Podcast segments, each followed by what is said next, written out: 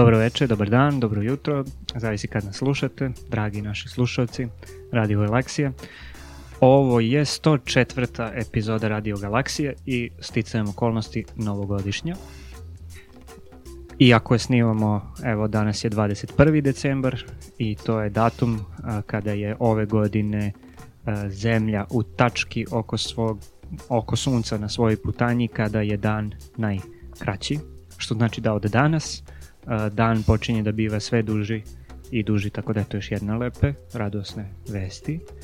Um, ovo je novogodišnja epizoda zato što, će vi, zato što ćete vi najvjerojatnije slušati 30. decembra, tako da ćemo mi u ovoj novogodišnjoj epizodi, zapravo danas, pored naše glavne teme, da malo rekapituliramo 2016. godinu, da vidimo šta se tu sve interesantno i bitno izdešavalo u nauci, pre svega u astronomiji, zato što, jel te, ovo je a, radio emisija o astronomiji, a onda i možda u nekim ostalim naukama. I specijalni gost u ovoj epizodi je a, Nemanja Martinović sa Astronomske observatorije Beograd. Ćao, Nemanja. Bravo. Nemanja je na Astronomskoj observatoriji Beograd ono što se zove istraživač saradnik, što znači da tamo završava doktorat i bavi se galaksijama i sudarima galaksija, tako, da. N-body simulacijama. Kaže nam nešto više o tome, da ne pričam ja. Pa, da, to je jako interesantna tema, sad si mi uhutio malo na prepod. Ovaj, znači, ja doktoriram vezano za evoluciju zapravo patuljnosti galaksija u jatima galaksija. O, znači, načinu na koji se oni formiraju jatima galaksija, a, njihovoj istoriji, kako se uh, razvijaju atom galaksije, odakle oni tu sa posebnim osvrtom recimo na uh, patuljke, one klase patuljaka koje su otkrivene u zadnjih deseta godina, tipa objekti koji su poznati kao ultrakompaktni patuljci. I za to koristim naravno, kao što si, mislim, za to koristim kao što si rekao uh, M-body, odnosno simulacije dinamike, što je jako interesantna stvar, znači tu imamo onu situaciju da to je jedan, znači, jedan integralni deo astrofizike pored teorije i posmatranja da su iste simulacije, gde imamo tu situaciju kada na, znači, posmatrači nađu nešto uh, novo, interesantno, ili kada neki objekat pos, sistematski posmatraju, oni uh, praktično to što posmatraju može da se shvati kao ovaj sistem frame-ova u slici nekog filma. Znači da jedan frame vam malo govori o celom filmu kao takvom, ali kad skupimo dovoljno frame-ova već možemo da napravimo neku sliku kako bi taj film trebao da izgleda. vremensku rezoluciju dobio. Pa da, da. Ovaj, zahvaljujući tome što možemo da posmatramo te objekte na različitim crvenim pomacima, a crveni pomaci koreliraju sa starošću, starošću odnosno da. i udaljenošću i vremenom, da. Ovaj, I kad se skupi dovoljno tih slika da se iza toga razvije neka teorija, mi možemo da koristimo simulacije, da probamo da evoluiramo taj objekat, da, da spojimo tu teoriju i ta posmatranje, da evoluiramo taj objekat sa tim ograničenjima a, i da vidimo da li to što dobijamo jeste ono što vidimo na nebu i ono što teorija pokazuje. I to je jedna od stvari koju znači ja radim. Znači ti imaš ovaj, ono, poslednji frame filma, odnosno završnu scenu i onda praviš uh, film maltene numeri, pa, numerički na računaru da bi objasnio tu poslednju scenu. Pa ni, ni, da, mogu bi tako da se kaže, ali nemam samo poslednju scenu, imam Aha, i gomilu među e, da. scena pre toga, imam zapravo početnu scenu, poslednju scenu, gomilu među scena između toga i ovaj, ideja je da a, ta simulacija a, poštuje zakone fizike, zapravo da, da ima što manje upliva sa moje strane i da ovaj na kraju ob, a, uspe da spoji tu teoriju, znači ograničenje koje imamo teorijom, ograničenje koje imamo posmatranjima i da napravi neku koherentnu sliku od početka svemira evolucije svemira, evolucije tih objekata do današnjeg trenutka. E sad, to je, to je recimo jedna od stvari koju radim, apropo uh, patuljastih galaksija, znači ja uzmem uh, recimo kosmološku simulaciju, kosmološka simulacija je upravo simulacija formiranja struktu, velike strukture u svemiru, ovaj, gde smo u poslednjih nekoliko godina uspeli da uđemo u režim i manjih struktura, znači ono, u režim formiranja zapravo patuljastih galaksija u kosmološkim simulacijama. Znači ja uzmem, simuliram svemir od velikog praska do sadašnjeg trenutka, 13 milijardi godina, gde moj upliv je taj što dam početne uslove, koji treba da izgledaju kao nešto što se vidi na poziciju kosmičkog zračenja. Ja, to što je prva posmatračka slika svemira koju možemo da vidimo. i pustim znači da ta slika, da taj a, da taj ovaj da ta simulacija koja počinje od pozitivnog kosmičkog zračenja do danas a, da ona ide sa onim osnovnim fizičkim zakonima koji znamo da vladaju u svemiru. Znači, pored dinamike i gravitacijone interakcije, mi tu imamo formiranje zvezda, hlađenje zvezda, pardon, formiranje zvezda, hlađenje gasa, zagrevanje gasa i tako dalje, razne hidrodinamičke interakcije, da, da na kraju dobijem zapravo uh, sliku svemira kakav izgleda danas, sa svim međukoracima. Ko Bog čoveče. Pa, da, trudim se da mi ne udari u, u glavu. Zapravo, dosta je to posao, ima dosta ograničenja. Daleko smo još od ta, tako finih, ovaj, finih struktura. Da, te neke velike simulacije radi, ogro, rade ogromni timovi. Pa da, da, mislim, u principu mi smo... Millennium simulacija, ne, ima posle Millennium simulacije još neka Da, da, koje... i Millennium 2 i Aquarius i ostalo, i trenutno dve aktualne su Illustris i Eagle simulacija. Mi smo imali neke simulacije koje smo radili u saradnji sa institutom za fiziku, pošto oni tamo imaju jedan velike lab. računari. Ja. Velike računari jeste. Mi smo imali početne uslove, su, smo radili sa kolegama sa Vanderbilt univerziteta u SAD-u. Ovaj, Miroslav Mićić, moj mentor i ja. O, ali, ali taj cutting edge, odnosno vrhunac danas, jesu upravo taj Illustris i Eagle simulacija koja ima manje više sve. I a, te simulacije su radili veliki timovi, kao što ste rekli, znači to su desetine ljudi koji su radili simulacije koji su trajale po šest meseci na najvećim superračunarima Evrope i a, Amerike. Ovaj, I podaci iz tih simulacija su terabajti i terabajti podataka. I sad, ja za svoj doktorat recimo analiziram i da je jako interesantna stvar, znači mi smo krenuli od uniformno raspoređene tamne materije i barinske materije sa nekim perturbacijama, znači gas i uh, tamna materija, ovaj, pustili da to evoluira 13 milijardi godine i na kraju smo dobili a, spiralne galaksije, eliptične galaksije, znači dobili smo nešto što možemo da vidimo zapravo, što stvarno korelira sa onim što vidimo na nebu.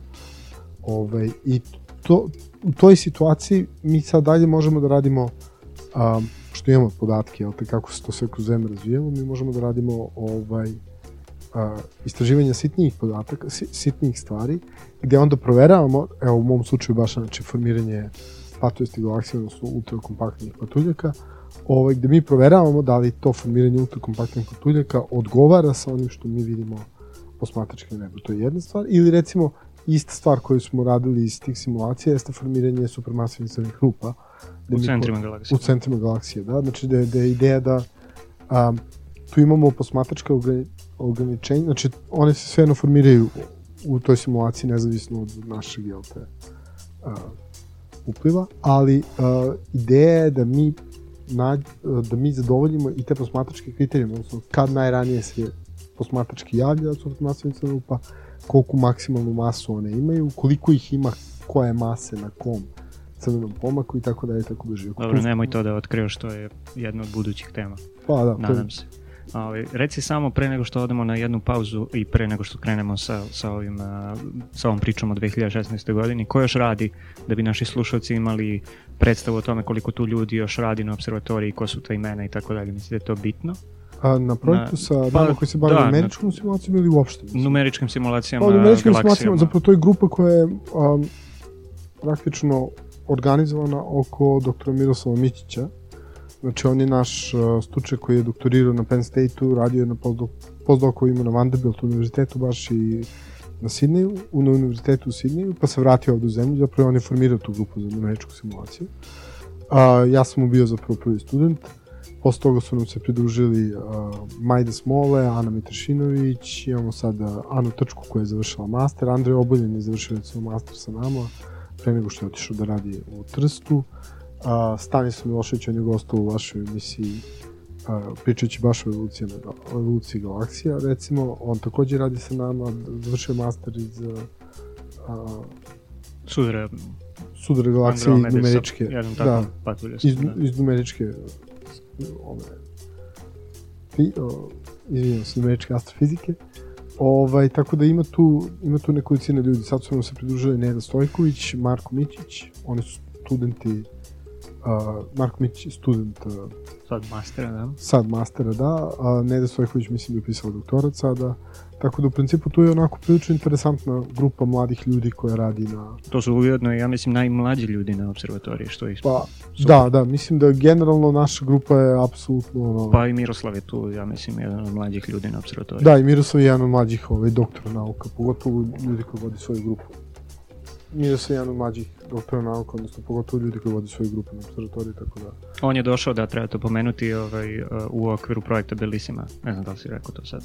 Da, tako, tako je u principu, uh, u okviru projekta Bellissima, da, on, on se vratio znači u okviru projekta kroz projekat Bellissima, zato što je jedan deo recimo tog projekta Bellissima bio upravo uh, kako su to nazvali, jačanje infrastrukture kroz vraćanje naših naučnika iz inostranstva. Pa on je bio jedan od troje ljudi koji su se zapravo vratili uh, ovaj projekat.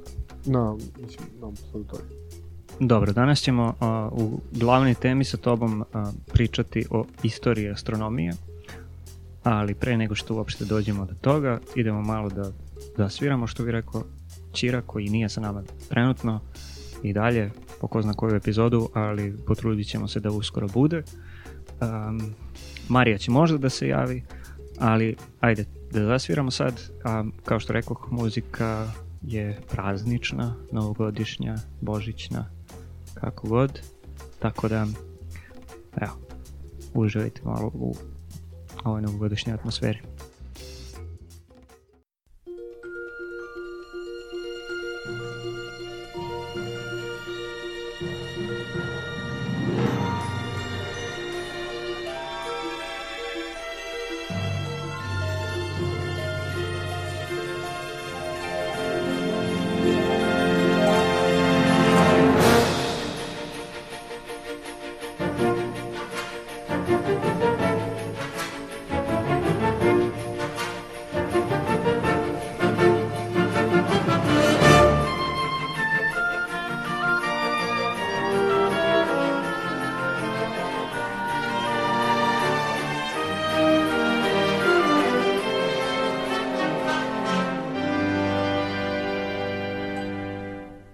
What's this? What's this? There's color everywhere. What's this? There's white things in the air. What's this? I can't believe my eyes. I must be dreaming. Wake up, Jack. This isn't fair.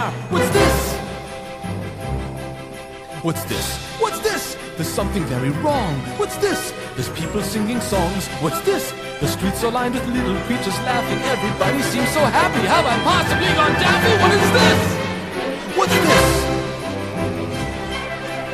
Children throwing snowballs instead of throwing heads. They're busy building toys and absolutely no one's dead. There's frost in every window. Oh, I can't believe my eyes. And in my bones I feel the warmth that's coming from inside. Oh, look, what's this? The hanging mistletoe. They kiss? Why, that looks so unique. Inspired! They're gathering around to hear his story, roasting chestnuts on a fire. What's this? What's this? In here, they've got a little tree. How queer! And who would ever think? And why? They're covering it with tiny little things. They've got electric lights on strings, and there's a smile in everyone. So now correct me if I'm wrong. This looks like fun. This looks like fun. Oh, could it be I got my wish? What's this? Oh my, what now? The children are asleep. But look, there's nothing underneath. No ghouls, no witches here to scream and scare them or ensnare them. Only little cozy things secure inside their dreamland. What's this? The monsters are all missing and the nightmares can't be found. And in their place there seems to be good feeling all around. Instead of screams, I swear I can hear music in the air. The smell of cakes and pies are absolutely. The sights, the sounds, they're everywhere and all around. I've never felt so good before. This empty place inside of me is filling up. I simply cannot get enough. I want it, oh I want it, oh I want it for my own. I've got to know, I've got to know it is this place that I have found. What is this? Christmas Town? Hmm. Evo nas nazad, Ćao. znači preskačemo vesti, preskačemo vesti iz Centra za promociju nauke i idemo odmah na ovu rekapitulaciju 2016. godine. Ima mnogo stvari koje su se dogodile, o mnogim stvarima smo već uh, ranije izveštavali u prethodnim epizodama Radio Galaksije, ali nije zgoreg ponoviti i izdvojiti nekako ovaj, najbitnije stvari, smestiti ovu 2016. godinu u istorijski kontekst razvoja astronomije, a onda ćemo posle pričamo i o razvoju astronomije i istoriji astronomije. Uh, Nemanja, šta po tebi predstavljaju najveće otkrića u 2016. godini? To jest, koje su po tebi najveće otkriće u 2016. godini što se tiče astronomije, ajde. Čovječe, sad imam tremu. Uh, pričali smo pre. Šalim se, naravno, naravno. Ovo ne, ne šalim se, nego najave. Uh, zezam se na konto toga da je zapravo jako teško proceniti uh, jako teško dati procenu imajući u vidu buduću perspektivu i razvoj astronomije šta bi zapravo u budućnosti se ove godine smatralo da je 2006, da su najveće otkriće bila 2016. godine. To je ovaj, uvijek people posao. Međutim, ima jedno otkriće koje će svakako ostati a, zapamćeno, upamćeno, da. Ove, a to je otkriće gravitacijonih talasa, pre svega. Znači, to ja, je... Direktna to je detekcija. Direktna detekcija gravitacijonih talasa, to je znači nešto što će svakako biti zapamćeno a, u budući. Znači, to je od, znači da se podsjetimo toga, znači LIGO eksperiment u SED-u je uspeo da otkrije da di, di, direktno posmatra zapravo, otkrije zapravo gravitacijski talas koji je potpis a, spajanja dve supermasivne crne, to je dve crne rupe, nisu supermasivne, dve crne rupe, Zve, zvezdane, da. da, dve zvezdane binarne crne rupe u jednu.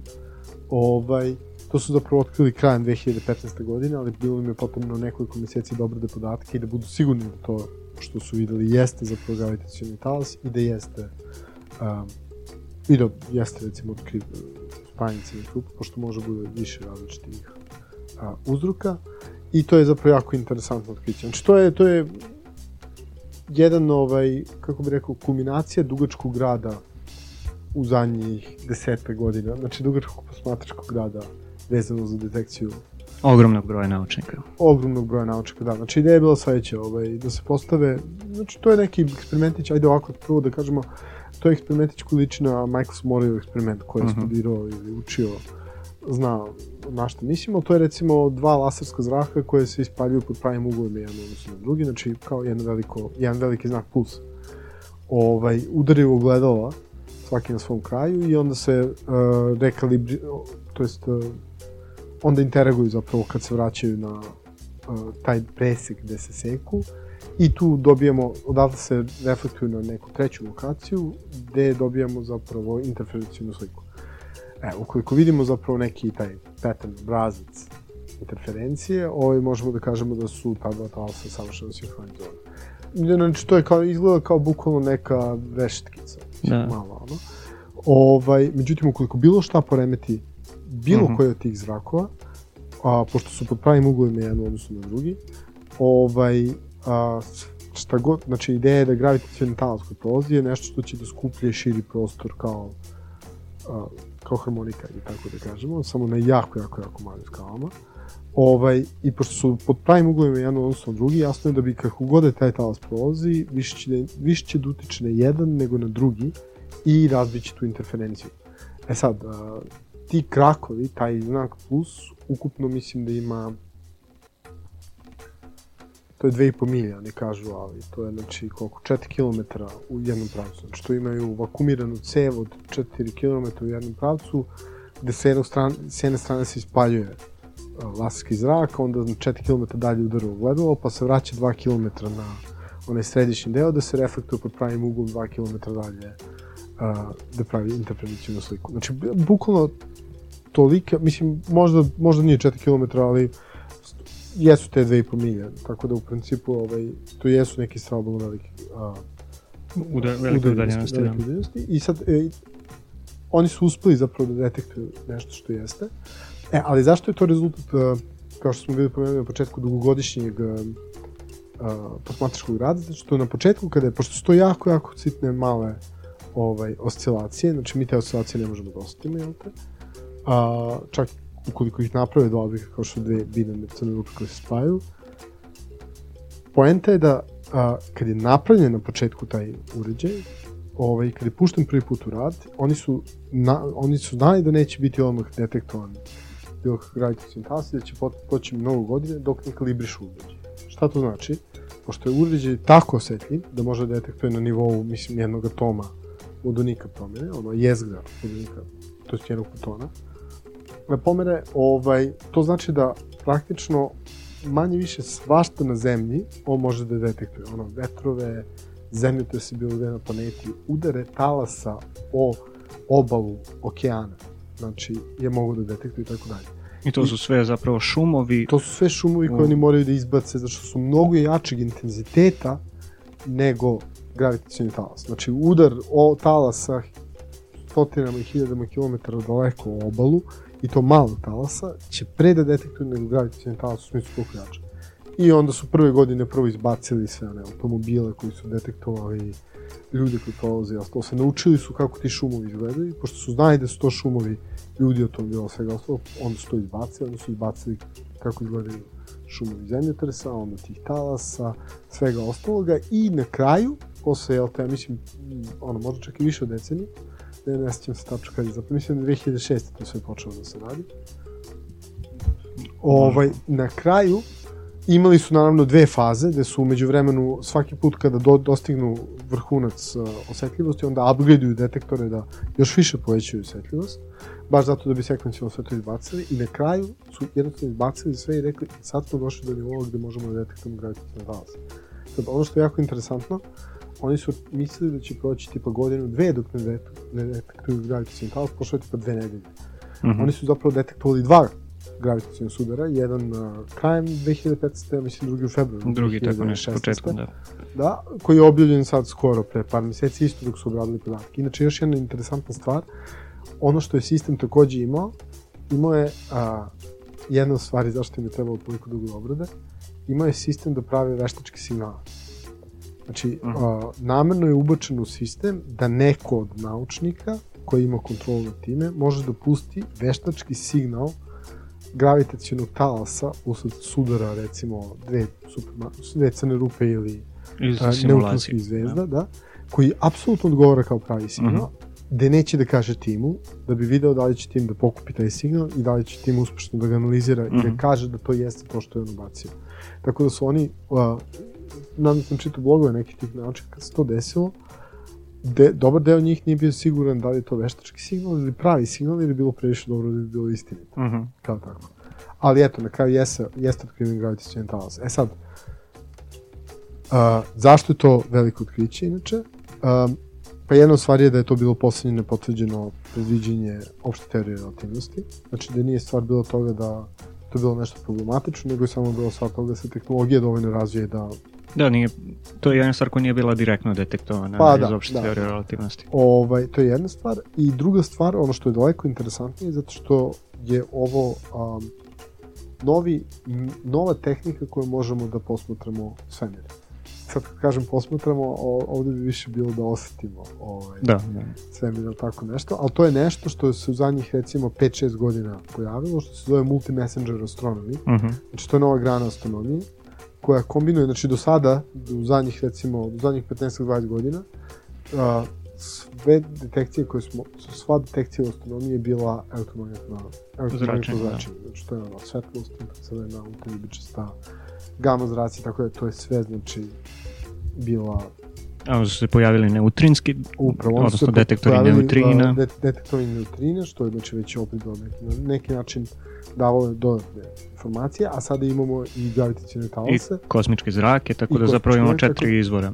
Da, tako da... A, četiri različite i to, i to informacije. sad sve zajedno može da se kombinuje da nam da novi, novu sliku u svemiru. Pogotovo što je najinteresantnija stvar gravitacijnih talasa ta, da mi možemo da prijemo informacije jednom kada ni pravi detekcije dovoljno nizak, uh mhm. -huh. možemo da a, analiziramo a, podatke od objekata koje ne vidimo usled toga što su ekranirani elektromagnetnom radijacijom. Znači nešto se nalazi u ravni uh -huh. mlečnog puta, možda može bude dete, detektovano sa te druge strane. Znamo da ne vidimo veliki atraktor upravo zbog toga što... Što se mlečni put nalazi između. Jeste, disk mlečnog puta nam da. smeta. Ovaj, e pa recimo možda bismo mogli da zaključimo nešto vezano za to, za posmatrajući te gravitacijone talase. Znači objekte koji izazivaju gravitacijone talase. Pa generalno sudari, su, no, sudari crnih rupa su nešto što jednostavno nismo do sada posmatrali, ne možemo Pa da, baš to da je bilo posmatramo. teoretski ovaj, um, pred, A sad već imamo da, i to- brojke to koje možemo da recimo, jedan iskoristimo. interesantan problem. Da, to, im, to rešava upravo to što je detektovano da postoje znači, crne rupe. A, to rešava problem, nešto se zvao problem poslednjeg parseka. Znači, ideja je bila da a, ukoliko dve crne rupe interaguju, mi, a, da bi se one spojile, jel te, oni moraju, oni orbitiraju jedno oko druge, obično imaju jako veliki ugodni moment, odnosno puno te orbitalne energije, i moraju nekako da izgube zapravo energiju da bi počelo da se približavaju, jel te. E sad, tu postoje razni mehanizmi, ono, zračenja, dinamičko trenje i tako dalje, tako bliže, koji mogu da objasne da se te dve crne rupe, ono, dođu na jako, jako male orbite, jedno oko druge, do poslednjeg parseka. Mhm. A onda, u, mislim, Poslednjeg parseka rastojanja između... između da, da. jeste ono centar mase i...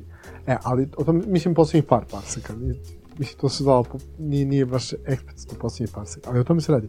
Taj poslednji korak pred spajanje nije više moglo nikako da se objasni kako bi dođe izgubili energiju da se spaja. Mhm. I onda je ovaj neko se dosta izračunao da zapravo a, emitovanje gravitacionih talasa bi moglo da izazove dovoljan gubitak energije da one da dve crne rupe mogu zapravo da pre, savladaju taj posljednji parsek i da se, I da se sudare. da se sudare Da. spoje. I ovde je recimo baš to upravo dete, detektovano, znači detektovane su dve crne rupe koje gube energiju gravitacionim z- zračenjem gravitacionih tal gravitacionim zračenjem, zračenjem gravitacionim, izbacivanjem gravitacionih talasa, da kažemo, i spajaju se, jel? Dobro, o tome smo, to je bilo sa početka godine. Nakon toga je bilo još nekih stvari koje su bile U, dosta da, bilo je. interesantne. Bilo je jako interesantne stvari. Recimo, ono što je Pred- isto jako puno Mhm. priliku pažnje je otkriće Proxima Centaurija B. Da, to je O- pre, od pre par meseci recimo. Pa da, da. Ovaj, Recimo da je bilo na leto, čini mi se, u augustu. tako, nešto, tako nešto čim se nije baš najbolje kad, ali znam samo da je prilično odjeknulo, mene je jako ovaj, Da, da. obradovalo. A, sad, to je jako interesantna stvar. Tu sve treba staviti u kontekst. Znači, nije otkriće um, zemljolike planete, mislim, kad kažem zemljolike, mislim po Po veličini. Da, po veličini.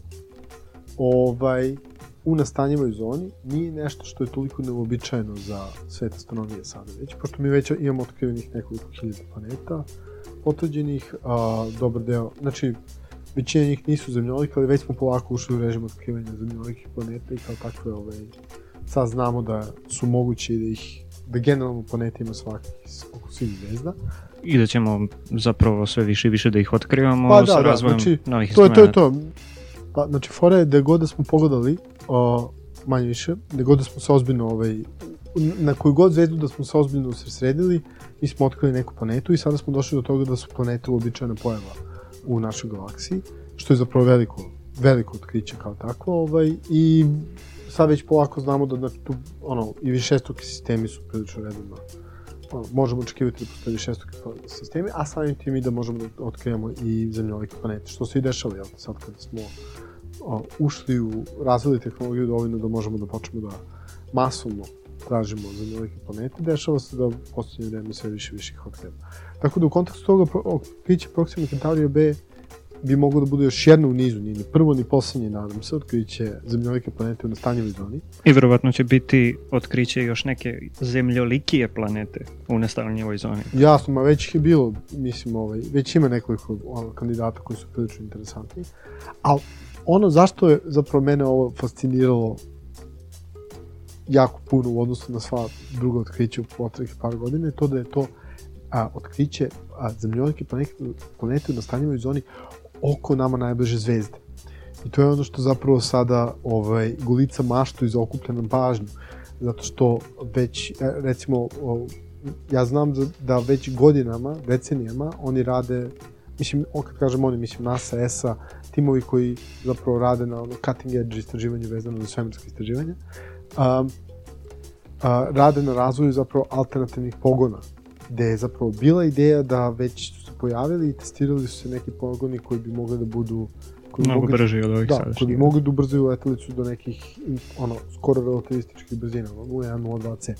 Ja, to je sad jako interesantna stvar. Iako je to još uvijek bilo testirano, mislim, samo su rađeni oni preliminarni testovi, teoretski je to moguće i mi već sad imamo tehnologiju za tako nešto, što znači da mi možemo, ako bismo ubrzali, pošto je ono, proximity teorija tipa na 400 godine, a, da mi možemo da pošaljemo letelicu koja bi tamo stigla, ako je ubrzamo do 0203C, koja bi tamo stigla za nekih 15 godina. Znači, ono, 5 godina razvoja, 15 godina da stigne tamo, 4 godine da vrati signal, znači za 25 godina ono, od sada mi možemo da dobijemo prve slike a, planet, drugog planetarnog sistema. Znači, to je, I to je ono nešto što, što... I to slike, kao što dobijamo slike koje smo dobili recimo sa Voyagera kad je prošao pored Jupitera i tako dalje. Pa da. zapravo sa New Horizons. Sa New Horizons. Malo smo, ovaj, malo smo napredovali s tehnologijom. Malo smo napredovali sa tehnologijom. Da. Ovaj, što bi bilo zapravo prilično epohalno otkriće kao tako.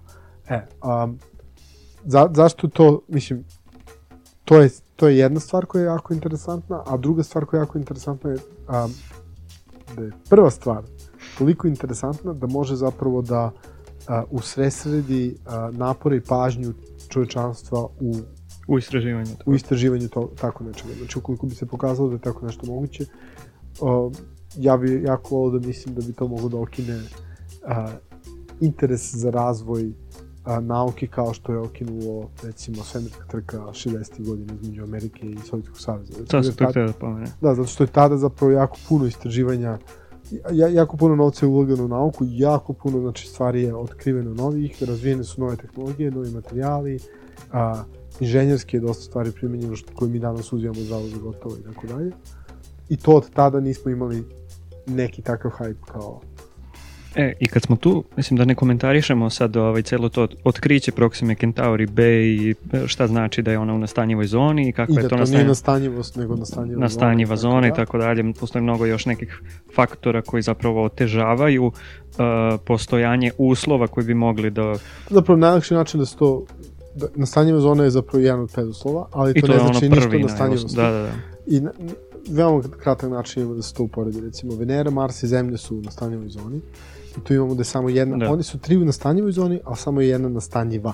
Da, da. Znači, nastanjivost na Zemlji je ok, ali na Veneri i na Marsu ne postoji nastanjivost tih planeta kao tako. Odnosno, na Marsu još i postoji uz neku ovaj, našu interakciju. A, I to je samo što se tiče položaja a, planete u nastanjivoj zoni. Ovde su u pitanju, kad je u pitanju Proxima Centauri B, još neke dve ovaj, osnovne teškoće koje, a, koje otežavaju nastanjivost, a to je ta što je to ta zvezda zapravo crveni patuljak i ima ogromnu uh, emisiju zračenja u x delu spektra, znači jako energetsko zračenje koje jednostavno ne može, koje jednostavno ubija život, pa, a druga stvar je što... Na tom je, stojanju ima ogromno. Uh mhm. -huh, pošto je jako, jako je blizu, blizu da. zvezdi, da. To je jedna stvar i druga stvar, ovo su ograniče, ovo su dati constraineri. Uh mhm. -huh. Znači mi nemamo pojma ništa o eliptičnosti, ovo je donja masa. Da, da, da. Ovo i donja orbita. Nemamo pojma ni znači, o tome da li ima atmosferu. Slučaj. I to, Postoji da. realna šansa da ova planeta ima neki neku daleko ekscentričniju orbitu što bi ono za komplikovalo do da, da, da. U svakom slučaju jeste interesantno zato što nam je ovaj dalo mu o, ovo nam ovo nas podsjeća da ne samo da mi možemo da istražujemo sunčev sistem, nego da zapravo za sada postoji mogućnost da su relativno kratkim vremenskim trenucima neke da je sunčeva okolina zapravo na dohod ruke kao tako. Ukoliko bismo se usredsredili na to. I kad si to pomenuo, uh, definitivno jedan od, od jako interesantnih stvari koje je čak pokrenuo lavinu, ovaj, ne samo u vestima i, i ovaj, u naučnim krugovima koji se tiču svemirskih istraživanja, nego evo recimo sad zbog uh, tih tehnoloških uh, zbog tog tehnološkog razvitka mi danas imamo recimo seriju Mars na nacionalnoj geografiji, imamo gomilu nekih dokumentarnih programa koji se bave tehnologijom istraživanja svemira od odlaska na druge planete i tako dalje, a to je SpaceX i to je jedan od, od bitnih stvari jedna od bitnih stvari koje se desila ove godine, a to je da jednostavno SpaceX se do te mere razvio da je Elon Musk a, izvršni, glavni, odgovorni, šta god, direktor te kompanije najavio da planira putovanje na Mars. Jeste. I to je zapravo to je sjen, čisto tu moram da pomenem, onda su imali pek na kraju godine, tako da ovaj Dobro. Što, što je, što je do... Ja navijam za SpaceX, ne znam za tebe. Pa je, ne, ne, ja navijam definitivno da, da to, ovaj, da, da bilo šta uspe, zašto trenutno, ovaj, potrebno nam je da, da zapravo, ono, pogotovo svemirske istraživanja sa ljudskom poslovnom nastave da se formiraju. Ali da, ovaj, a, tu opet imamo dve komponente. Jedna je zapravo šta je, šta je SpaceX uspeo da uradi ove godine, a to je znači uspešno sletenje na vodenu platformu ovaj, svoje rakete koje se vraćala iz svemira. Znači, mi, tu je ideja prilično jednostavna. Znači, a, ukoliko bi uspeli da ostvare mogućnost da se rakete koje lanciraju razne satelite, da one ponovo mogu da se koriste, ovaj, i ukoliko bi, to bi povećalo uh, isplativost lanciranja u svemir, da. jeste. I druga stvar je, ukoliko uspeju da konzistentno spust, nastave da spuštaju rakete na te morske platforme, to bi dodatno povećalo komercijalnost i izvoljivost svih tih projekata iz prostog razloga što bi bilo onda a, baš za SpaceX kompaniju jeftinije da lansiraju raketu, da, praktično lansiraju kao na luku, uh mhm. -huh. kao da ste izbacili ono, jedna parabola. A, lansira se raketa, izbaci teret i onda samo nastavi dalje da pada i sleti na platformu. Znači, uh mhm. Ukoliko ne bi bilo morska platforma, moralo bi da potroši dodatno gorivo da se vrati na, da, na da. čustu zemljenu površinu, pošto oni lansiraju upravo tako da to, i plus bi to imalo one sigurnosnih problema i tako dalje. Ovo je prilično čisto, bezbedno, kao tako odvojeno od svega i prili, ono, relativno, je, mislim, jednostavno na papiru, kao što smo videli, bilo je daleko ono... A i druga stvar, ovaj, nevezano za svemirska istraživanja, takav sistem bi mogao se koristiti za prenos tereta sa jednog kraja planete na drugi kraj planete za jako kratko vreme. Jednostavno, lansirate raketu koja će donese neki teret do visokih jednom slojeva kada, atmosfere da. u unutar da, zemlje orbite i onda se vrati na drugo mesto, isto tovari teret I to je to. Upravo to. A jednom zapravo ukoliko, ka, mislim, to, to je definitivno jedna od opcija kada sistem postane dovoljno, uh, kako bih rekao, pouzdan, kao takav. Zapravo da stvar bude bolja, ovaj pek koji su imali na kraju godine nije imao nikakve veze sa tim uh, uh, sletenjem, nego jednostavno su imali pa mislim zvanično saopštenje, eksplodirali mi rakete na, na launchpadu, što da, da. rekli, i to sa satelitom koji vredi 200 miliona godina, 200 miliona dolara. Um, I izveštaj kompanije je da to nije zapravo bio design flow samog, ovaj, same rakete njihove, ne, Falcon rakete, nego da je to zapravo bila greška a, prilikom punjenja goriva. Tepa da moraju da promene neke operativne procedure da bi sve bilo ok. Pa sad, ukoliko to uspeju da urade, najavili su već sredinom decembra, krajem decembra novo lansiranje, pa očekamo da imamo šta će toga biti. To, sreće u nesreći. E, sreće u nesreći jeste. E, ali jedna od interesantnih stvari jeste ta da a, Elon Musk do sad stvari koje je najavljivo, je u manjoj ili većoj meri nastavio, počeo da razvija stvarno ili da sprovodi delo. Znači tu je pre svega mislim na Tesla automobile, ove reusable, znači odnosno ponovo rakete sa mogućnošću ponovo korišćenja ovog osnovnog osnovne fa, faze, a, da treba pomenuti Blue Origin konkurentsku kompaniju koja je isto to uspela da uradi, s tim što ta Blue mm -hmm. Origin kompanija ima manju raketu koja je bila na suborbitalnom letu i ispustila se a, na zemlji. Nije čak bio, znači, praktično poleti sa mesta i sleti nisko mesto bez da. ikakvog... A, da je ideja a, Falcon, odnosno SpaceX jeste transport tereta upravo i ljudi u, a, u orbitu. U insertovanje u orbitu, a da ovaj Blue Origin ima ideju da a, omogući ljudima par minuta besrednog stanja kao turistima. Tako da tu postoje razlike između jedne mm -hmm. rakete kao takve. E, pa, a, da, da završim konačno misle koju već, mislim, treći put počinjem a to je da ono što Elon Musk najavi, ko što rekao, ko on to ostvari, tu imamo znači, Tesla automobile, tu imamo SpaceX rakete, tu imamo Hyperloop, a, tu imamo a, Powerwall, ove litijum-ionske baterije koje koriste se za kuću i u pos, poslednja stvar koju najavio je o cepovi koji su, koji, koji su solarne, da, da. solarne ćelije kao tako. Što, da se razumemo, većina tih tekmo, zapravo, osim Hyper, ma čak i Hyperloop zapravo kao takav, sve te tehnologije su, uopšte nisu pionirske kao takve, ali a, ono što jeste pionirsko jeste... A, Njihova primjena u svakodnevnom životu manje više. Da. Upravo to. To što ih on napravi a, poželjne potrošačima kao takvim u principu, zato što su korisne, odnosno mogu da se iskoriste a, kako bi iskoristive su uh -huh. kao takve ovaj, i, i cene su dovoljno pristupačne da budu A, I efikasne su, nisu. Pa da, cene su dovoljno pristupačne da budu, zapravo, pri, da, da budu pristupačne širokom broju ljudi na planeti.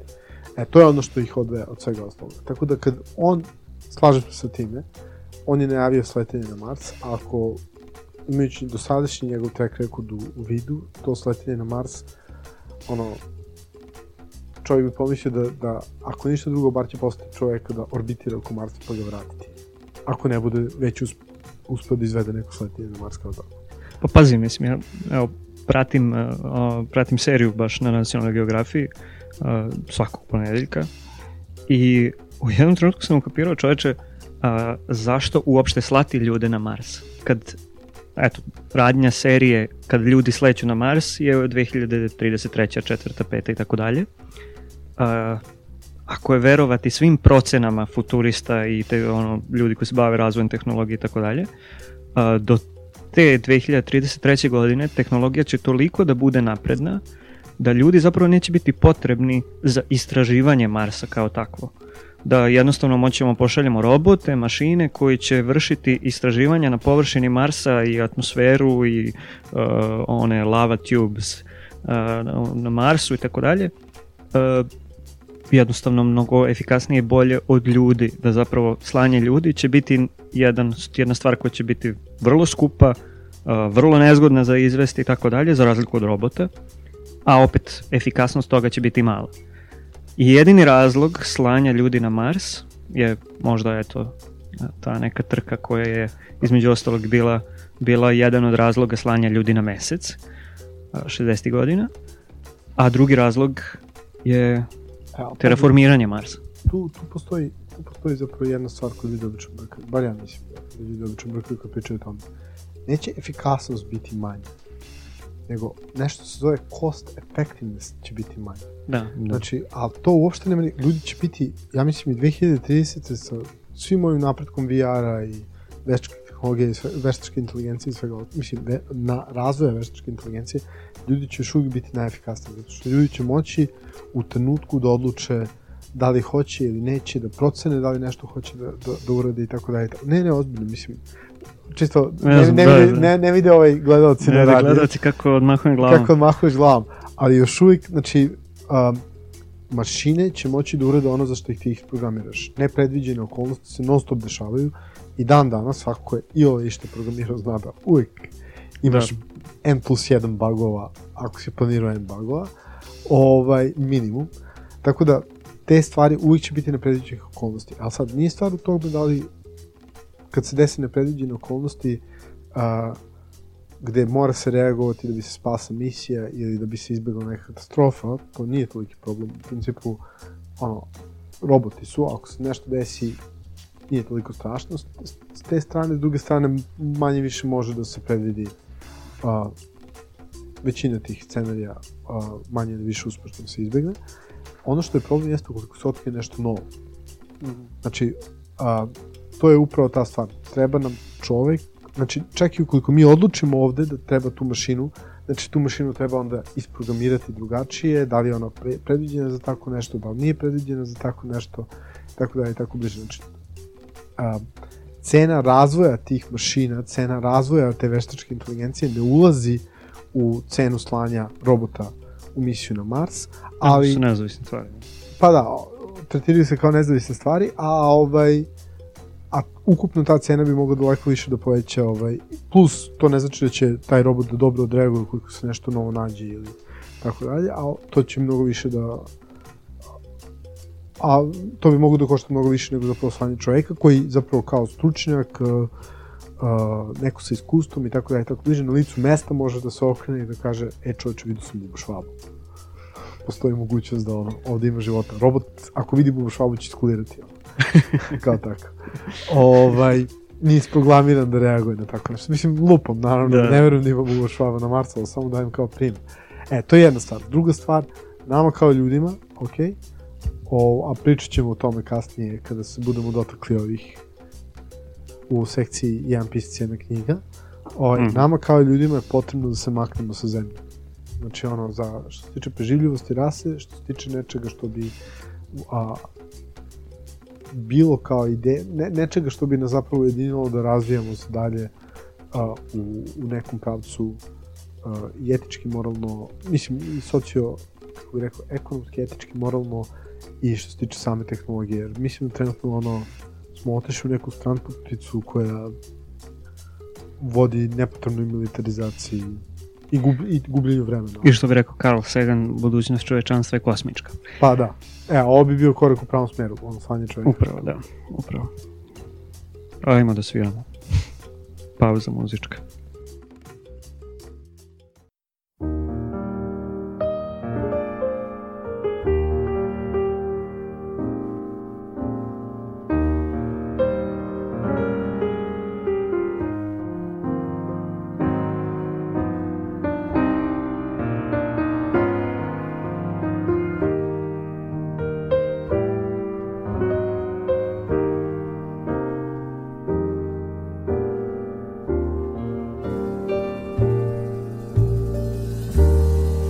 Chestnuts roasting on an open fire.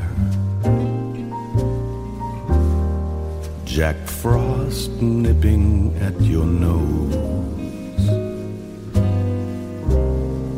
Yuletide carols being sung by a choir.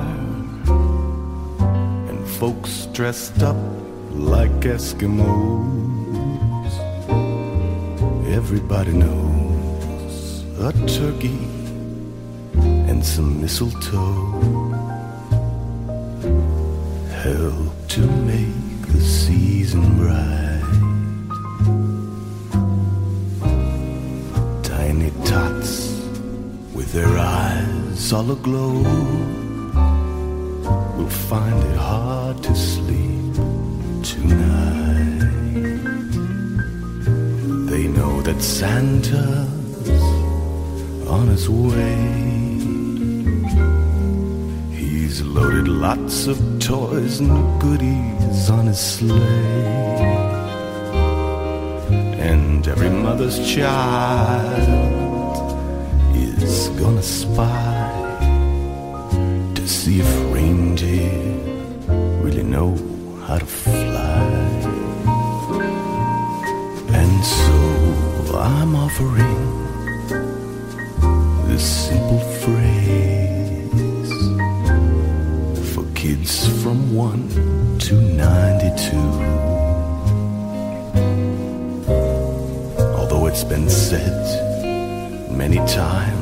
many ways,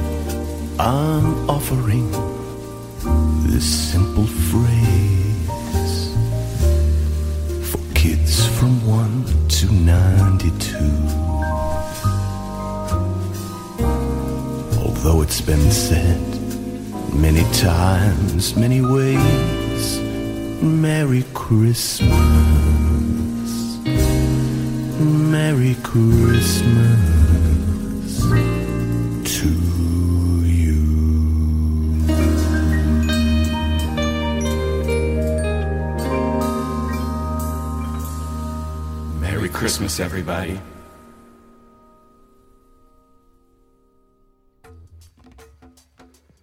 E, nastavljamo sa pregledom a, otkrića i, i dešavanja u nauci u 2016. godini i Nemanja mi ispričao jednu super interesantnu priču koju nisam znao ranije kad smo pomenuli Schiaparelli Lander koji je uh, najskorija vest recimo iz istraživanja uh, svemira. Sećate se, ma, konkretno. konkretno Marsa, sećate se, ovaj, mislim da smo nekoj pre, pre, pre dve epizode ili tri smo pričali o tome kad se on zapravo zakuca u površinu Marsa. Da. Zašto je... E sad, to je recimo relativno neuspešna misija. Ne, ne, S, zapravo ali- je zapravo upravo to. Cela pojenta te priče je bila zašto je Schiaparelli relativno uspešan, zašto su oni sve vreme pričali da je to partial success i tako dalje, kako bi dođe ovo bio partial success. Zašto bi bio partial success kad je on ono razne tu deliće na površini Marsa i pogotovo zbog toga što je eksplodirao na vodonični vodonični gornje ćelije i ostalo. I ovaj, jel te, znači pričali smo pre ovoga, ovaj, uh, Dule i ja, i, i poenta je u sledećem, znači, a, ta misija je zapravo direktan eho jedne misije 2003. godine, kad su Mars Express i a, Beagle 2 lander a, bili poslati na Mars, znači jako slično kao ovaj, a, ExoMars gas orbiter ovaj koji je trenutno tamo, a, i Schiaparelli, znači isto tako je Mars Express otišao kao orbiter. Samo što je bila nasina misija. Ovo je bila misija... Ne, Euro- Mars Express je isto bilo Evropske svemirske agencije. Aha, o, o, Evropske svemirske agencije, a Open University je a, Aha, okej, okej. kao britanski a, razvio Beagle 2. Kao da, tako. znam A zašto, sam, isto- znam zašto sam pomenuo nasu, ali to ćeš sada kažeš.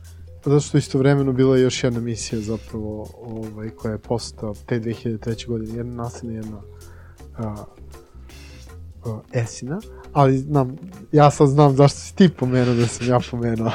ovaj, Ajde, čuj, ja, a slušaj. svodi se na sledeću stvar, znači kad je uh, Mars Express došao do uh, Marsa, jel te, on je poslao Beagle ka, ka Marsu, tri dana ranije, manje više jako slično kao uh, Schiaparelli koji se odvojio par dana ranije, mislim isto tri dana ranije pre, uh, pre sam Mars, da bi se on zapravo kao lander zakucao Mars, jer je potrebno da se dosta ranije odvoje da bi ovaj ušao u orbitu, ovaj se zakucao. E, pa Beagle 2 misija je trajala tako što se odvojila se od Mars Expressa, imali su uspešno odvajanje, to je Mars Express je poslao signal da je uspešno odvajanje, to je to. Mislim, bukvalno je ovoliko dramatično, o, ovoliko mislim da je interesantno, što tri dana kasnije oni su uzeli, sačekali, videli da nema signala iz Beagle 2, to je to. Znači oni nisu imali nikakvu informaciju šta se desilo s Beagle 2. jer I to Beagle- je bilo 2003. godine. 2003. godine. Beagle 2 nije bio dizajniran zapravo da šalje bilo kakve podatke u trenutku dok se približava da je spušta na Mars. Što je bio prilično veliki bedak, jer ono, upravo u ovoj situaciji, ukoliko se Beagle 2 ne javi, ti nemaš nikakve informacije šta se dođe desilo. Zapravo napravljena je komisija, kao što smo pričali, ovaj, koja je dala svoj pregled situacije i najverovatnije a, razloge šta se desilo i a, rezultat te komisije je bio čisto nagađanje. Bukvalno, išli su od toga da li se Beagle 2 odbio od atmosfere Marsa i otišao u pravilni prostor, a, da li je izgoreo u atmosferi Marsa, zašto nije uspio da uspori, da li se zakucao u zemlju, da li je potpunosti promašio Mars, smislu da nije čak ni zakačio atmosferu, znači nisu pojma imali, zašto nisu imali nikakve informacije. I na tome se sve završilo. Jel te? E, da bi onda ovaj, Sled... E, onda tu dolazi onda sledeća dolazi... misija zapravo. Da, onda tu dolazi, da, tu, tu je bilo nekoliko gomila misija umeđu vremenu, ali sledeća misija je Esina sa Landerom, znači je bila ideja, e kao, ajde, pošto oni sad nisu imali uspešne misije, ajde, uh, za razliku od Bigla 2, ovaj put ćemo da uradimo to kako treba, poslaćemo Lander, ali ovaj put taj Lander će da sve vreme, ono, bukvalno u svakom trenutku da javlja šta se dođe ovo dešava, da bismo mi testirali naš proces letenja. Jer nije ideja zapravo bila da Skepreli sleti i da on nešto puno radi. Skepreli je zapravo bio prilično siromašan što se tiče instrumenta. Pa i radio bi tamo, ja mislim, samo dva dana, koliko pa da, bi trajale te... Da. Ideja je bila da oni zapravo testiraju uh, proces letenja, ne upravo zbog toga što je sledeća misija trebala da bude misija a, e, sa roverom, ExoMars rover i laboratorija, znači to su misije iz dva dela, da bi jedan bila stacionarno prilično komplikovana laboratorija sa puno instrumenta i druga da bi bio nezavisni rover koji bi imao zapravo dosta autonomije i mogućnosti istraživanja. On, to, taj drugi deo je daleko skuplji, jel te? Mm -hmm. I ovaj, ovo bi bio neki lakus papir za tako nešto. E, ovaj, i ska, zato je Scaprelli partial success, zato što su oni uspeli da isprate svaki milisekund tog procesa do samog zakucavanja u površinu Marsa. Mislim nije baš svaki, jel te, ali do samog zakucavanja površinu Marsa oni su razumeli šta se, ka, kako se odvojio, koliko je rotirao, kojom brzinom se približavao Marsu, kako je ušao u atmosferu, kad se kad su se aktivirali oni njih, oni toplotni štitovi, kad su a, to je toplotne oplate, kad se aktivirao padobran, kad je pušten padobran, kad su se aktivirale rakete, kako je padobran puš, pušten ranije i kako su rakete premalo radile, šta se on tu isti poj kako udario i oni sad zapravo nakon analize... Znaju šta je greška, da. Znaju šta je greška, znaju šta se desilo, znaju kako to da isprave. Zapravo. A plus i imaju taj orbiter koji nastavlja da radi ono što je bio plan da radi, da. Da, koji će nastaviti da istražuje atmosferu Marsa i služiti kao relay za a, buduće sleće. Da. E, sad kako život obično piše drame, jel te? Ovaj, ono kako ponekad umre bude ironičan. A, godinu dana pre same a, ExoMars misije sa Skeparelijem, a Mars Reconnaissance Orbiter. Orbiter je vratio zapravo prve i slučajno, neplanirano, uspeo da detektuje Beagle 2 na planeti. E, i ono što znači je, ono za šta nismo imali pojma ni šta se desilo. ono, koliko, već 12-13 godina nismo imali pojma, ništa, sada su uspeli da ga slučajno, nekoga je slučajno video na nekoj od slika visoke rezolucije, onda su ponovili sliku sa još većom rezolucijom da vide da li jeste to. I došli su do zaključka da se Beagle 2 uspešno spustio na Mars. Zapravo, I to čak slike rezolucija ovaj, uh, ja mislim manje od metra u, u, što, da. je, što su zapravo i dimenzije otprilike uh, Beagle 2 Landera, mislim da je on da, u prečniku možda nešto 2-3 metra. Panel, da, da. da. Ovaj, znači, i šta, šta, šta što znači da smo, da smo sa tih snimaka mogli da vidimo jasno kako izgleda, relativno jasno, kako izgleda Beagle 2 na površini Marsa. Da, da. E, i ono što je jako interesantno jeste, znači, on je čitav na površini Marsa, on, uspe, mm -hmm. on je uspešno shvatio. Međutim, kad, kad, on ima zapravo kao let, latice cveta četiri solna panela koji su u krugu i onako su otvorili kao jedan, drugi, treći, četvrti, međutim taj četvrti, ono što pretpostavljaju, da li je sletao pored kamena, šta se desilo, ali taj četvrti se nije otvorio do kraja, blokirao je antenu za komunikaciju i Beagle 2 nikad nije mogu da komunicira sa orbiterima koji se nalaze u Marsu, u Marsovoj orbiti. Što je u principu jako interesantno da taj Beagle 2 je zapravo mogu da Beagle, ideja Beagle 2 je bila sve da... Sve vreme radi. Ako on, on, možda, on je možda sve vreme radio i analizirao ovaj, uh, površinu oko sebe, a pošto ideja je bila da Beagle 2 otkrije zapravo tragove, da li postoje tragovi života, ko zna, možda Beagle 2 je otkrio da postoje tragovi života. Bilo neki buba švabe.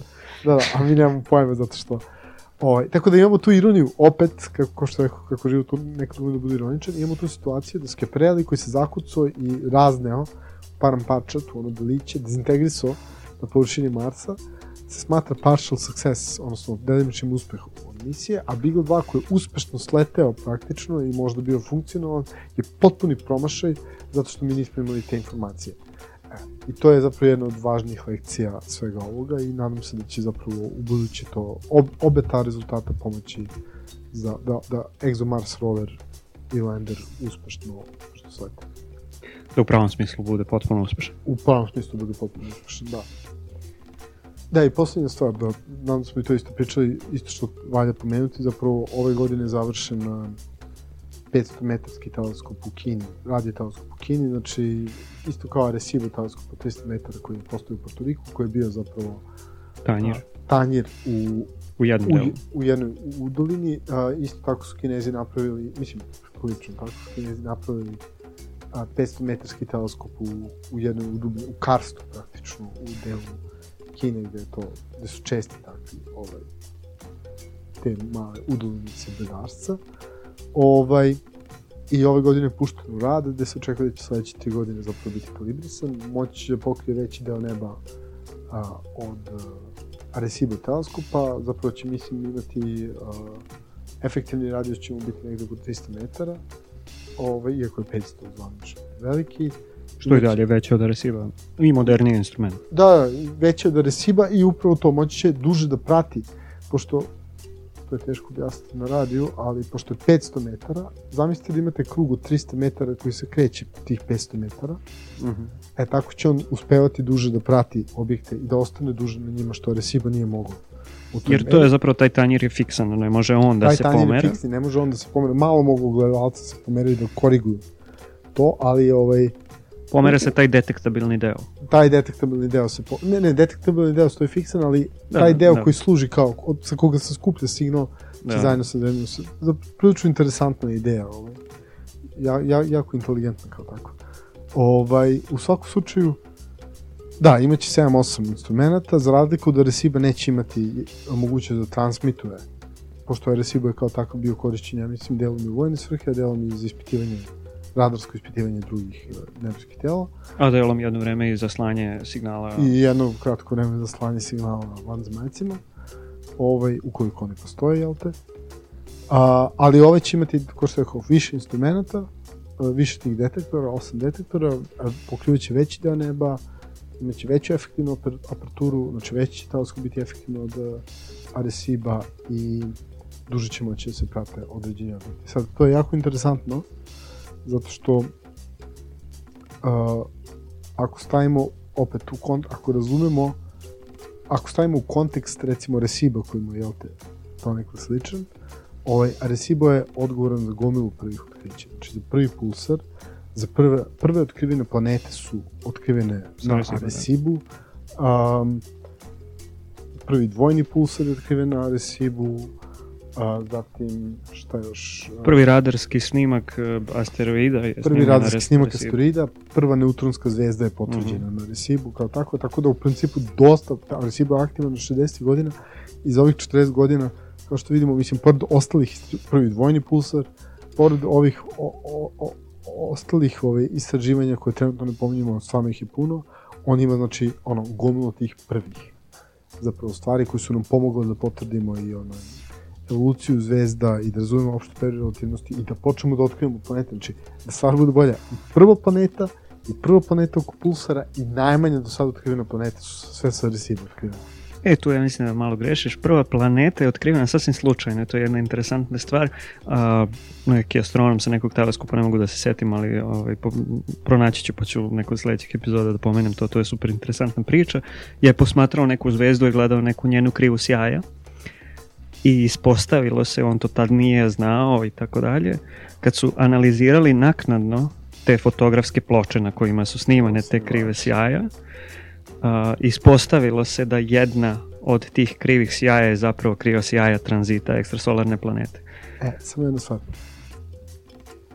Ok, ali tog imaš dosta u astronomiji, to, kako, kako što sam probao, ako ste čuli, to se ne važi, zato što u principu, ukoliko nisi svestan šta si otkrio, a, ti ne možeš da podeliš, u smislu, Nisi otkrio, nema- ali detektovao. Da, niko ništa nema od toga, takvog otkrića, to otkriće praktično ima nikakvu važnost, zato što ti ga nisi stavio u kontekst ili ga nisi interpretirao na dobar način. Znači, zapravo ima puno takvih ovaj, slučajeva u istoriji.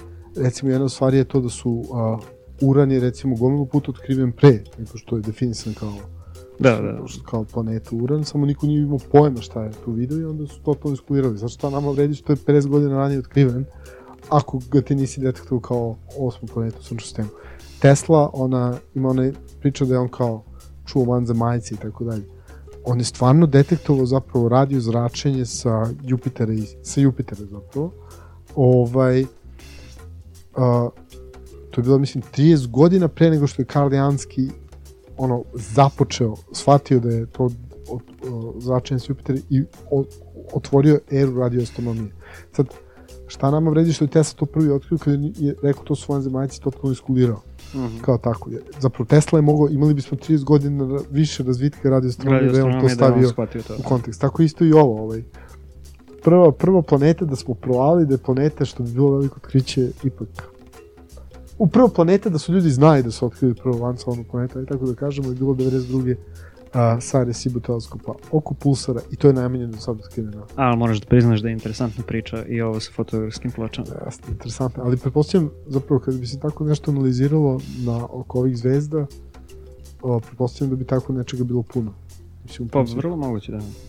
Ono, zato što osetljivost je bila dovoljno dovoljno velika, velika osetljivost da. za bar ove veće planete, one vrele Jupitera koji se nalaze blizu i, uh mhm. -huh. i okolo A ovo je zapravo dobar šlagvort da ovaj, uđemo u u glavnu temu. U glavnu temu, a to je istorija astronomije. Istorija astronomije. I razvoj astronomije. Pomenuli smo otkriće urana, ali sad ćemo da malo zasviramo, pa ćemo onda da krenemo lepo od kule na bana, što bi se reklo maltene. I ranije. I ranije, mnogo ranije. Ajde, čujemo se malo kasnije.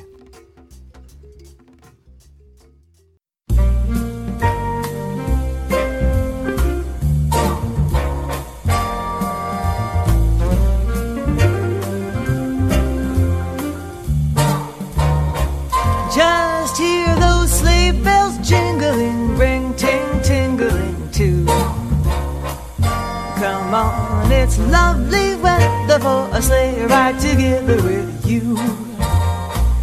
Outside the snow is falling and friends are calling you. Come on, it's lovely weather for a sleigh ride together with you. Giddy up, giddy up, giddy up, let's go. Let's look at the snow. We're riding in a wonderland of snow. Giddy up, giddy up, giddy up, it's grand, just holding your hand. We're gliding along with the song of a wintry fairyland. Our cheeks are nice and rosy and comfy, cozy, are we? We're snuggled up together like two birds of a feather would be. Let's take the road before us and sing a chorus or two. Come on, come on, it's lovely weather for a sleigh ride together with you.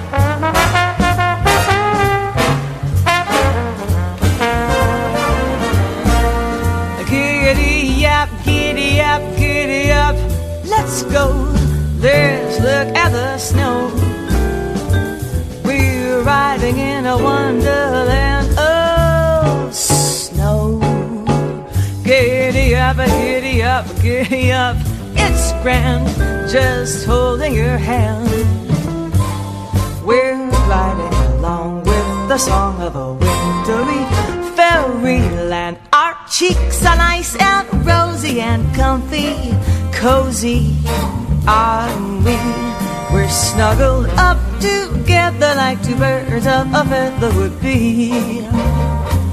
Let's take the road before us and sing a chorus or two. Come on, it's lovely weather for a sleigh ride together with you. Sleigh ride together with you. Sleigh ride together with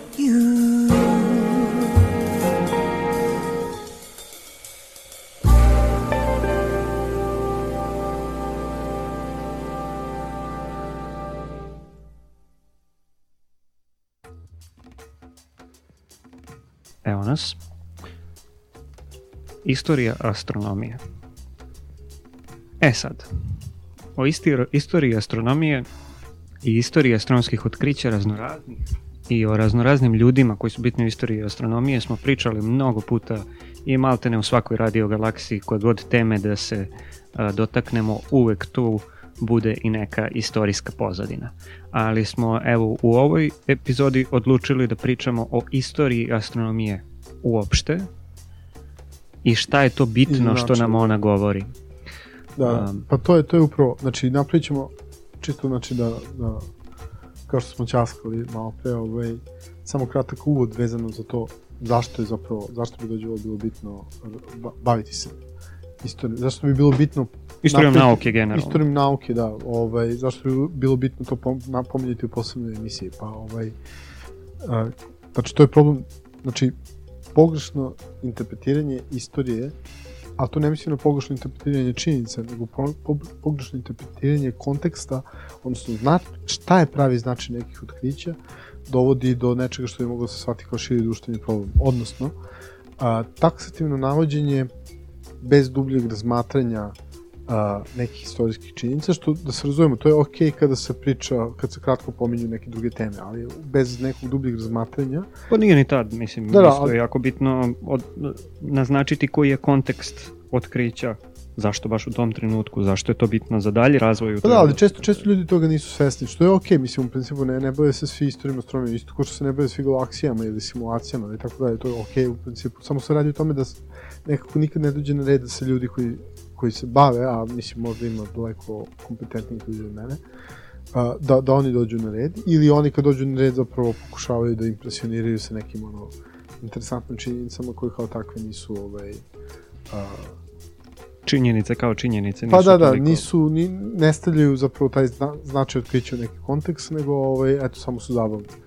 Ovaj, I onda ta, tako, kako što rekao, kratko taksativno navođenje dovodi do toga da zapravo a, javnost koja se bavi, koja sluša tako nešto, ovaj, laj, lajci recimo, ili ljudi koji, koji nemaju neko dublje ovaj, znanje iz te oblasti i očekuju nas da mi to dublje prenesemo, teknu utisak da zapravo ta sva otkrića su bila relativno ono, a, neću kažem jednostavna, ali da su izvesna kao takva i pošto su izvesna, eto, to se dešava, nevezano za to, znaš, ti jednostavno imaš pametnog čoveka i on će to sve da otkrije nevezano za ono, da li si, da li neko pre njega to radio ili posle njega, kontekst, pare uložene, a, slobodu koju je imao prilikom otkrića i tako da i tako bliže, mislim, ceo taj socijalni kontekst.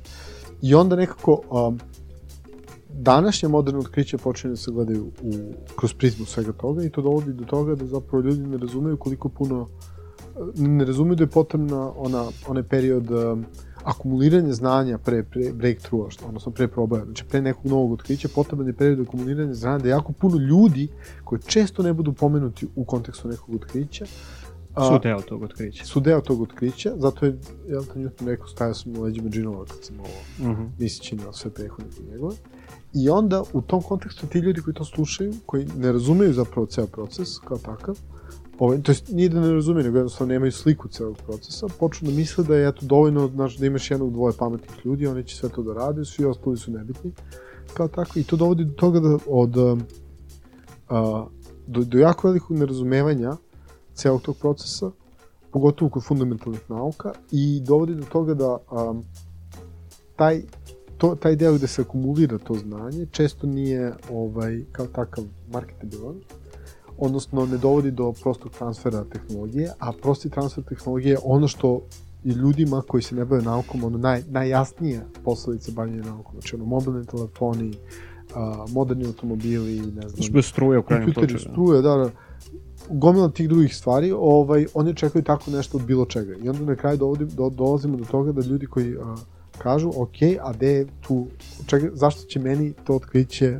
a, Biti značajno Da, za, da, zašto će moj mobilni telefon sutra biti bolji od toga što se ti baviš astronomijom danas, ili tako nešto. Mislim, Aha. bukvalno, to je taj transfer tehnologije. Ja hoću da imam nešto opipljivo, što je rezultat tvog otkrića, ne, razume, ne razumevajući da to otkriće može bude samo jedno u nizu čitavih interesantnih stvari vezanih za, a, za svakodnevni život, a i za razvoj same nauke kao takve. E sad, da stvar bude bolja, mislim, gora, cinično mislim bolja, ovaj, da stvar bude te gora, a, to dovodi do, a, to nerazumevanje dovodi do smanjenja troškova, a, a, često ovaj, fundamentalne nauke trpe u smislu da im se smanjuje, smanjuje budžet, a, ljudi se destimulišu da se bave time. Mislim, to manje više svaki put bude neka kriza, ono, to je prvo na udaru.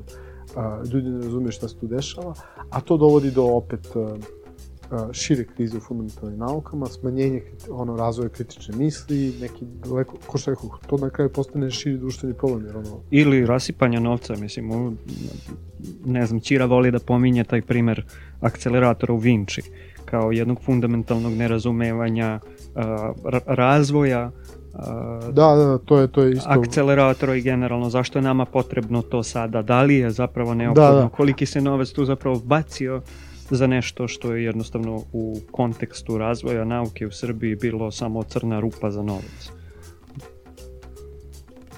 Ovaj, da, ili zapravo još, još gori primjer trenutno onoga što se desilo u Bugarskoj, recimo. Uh, kod njih je došla, znači u jednom trenutku su došli vlast nekad ovih prehodnih vlasti, ako ne i trenutna vlast, jednostavno čovjek, set ljudi koji je tu populistički došao na vlast i jedna od prvih stvari koji su bukvalno populistički rešili da urade, rekli su a, sve nauke koje nisu profitabilne, ukoliko ne mogu da zarade za sebe, uskratit ćemo im financije. Mm -hmm. I oni su deskovali fiziku, astronomiju, matematiku, to, oni su, recimo, Bugari su bili, ja mislim, mogu bi se reći, ono, na našem, ako ne jačem nivou što se tiče astronomije od nas, imali su daleko više naravnih observatorija, dvometarski teleskop, koji još uvijek imaju, ali jedno radi.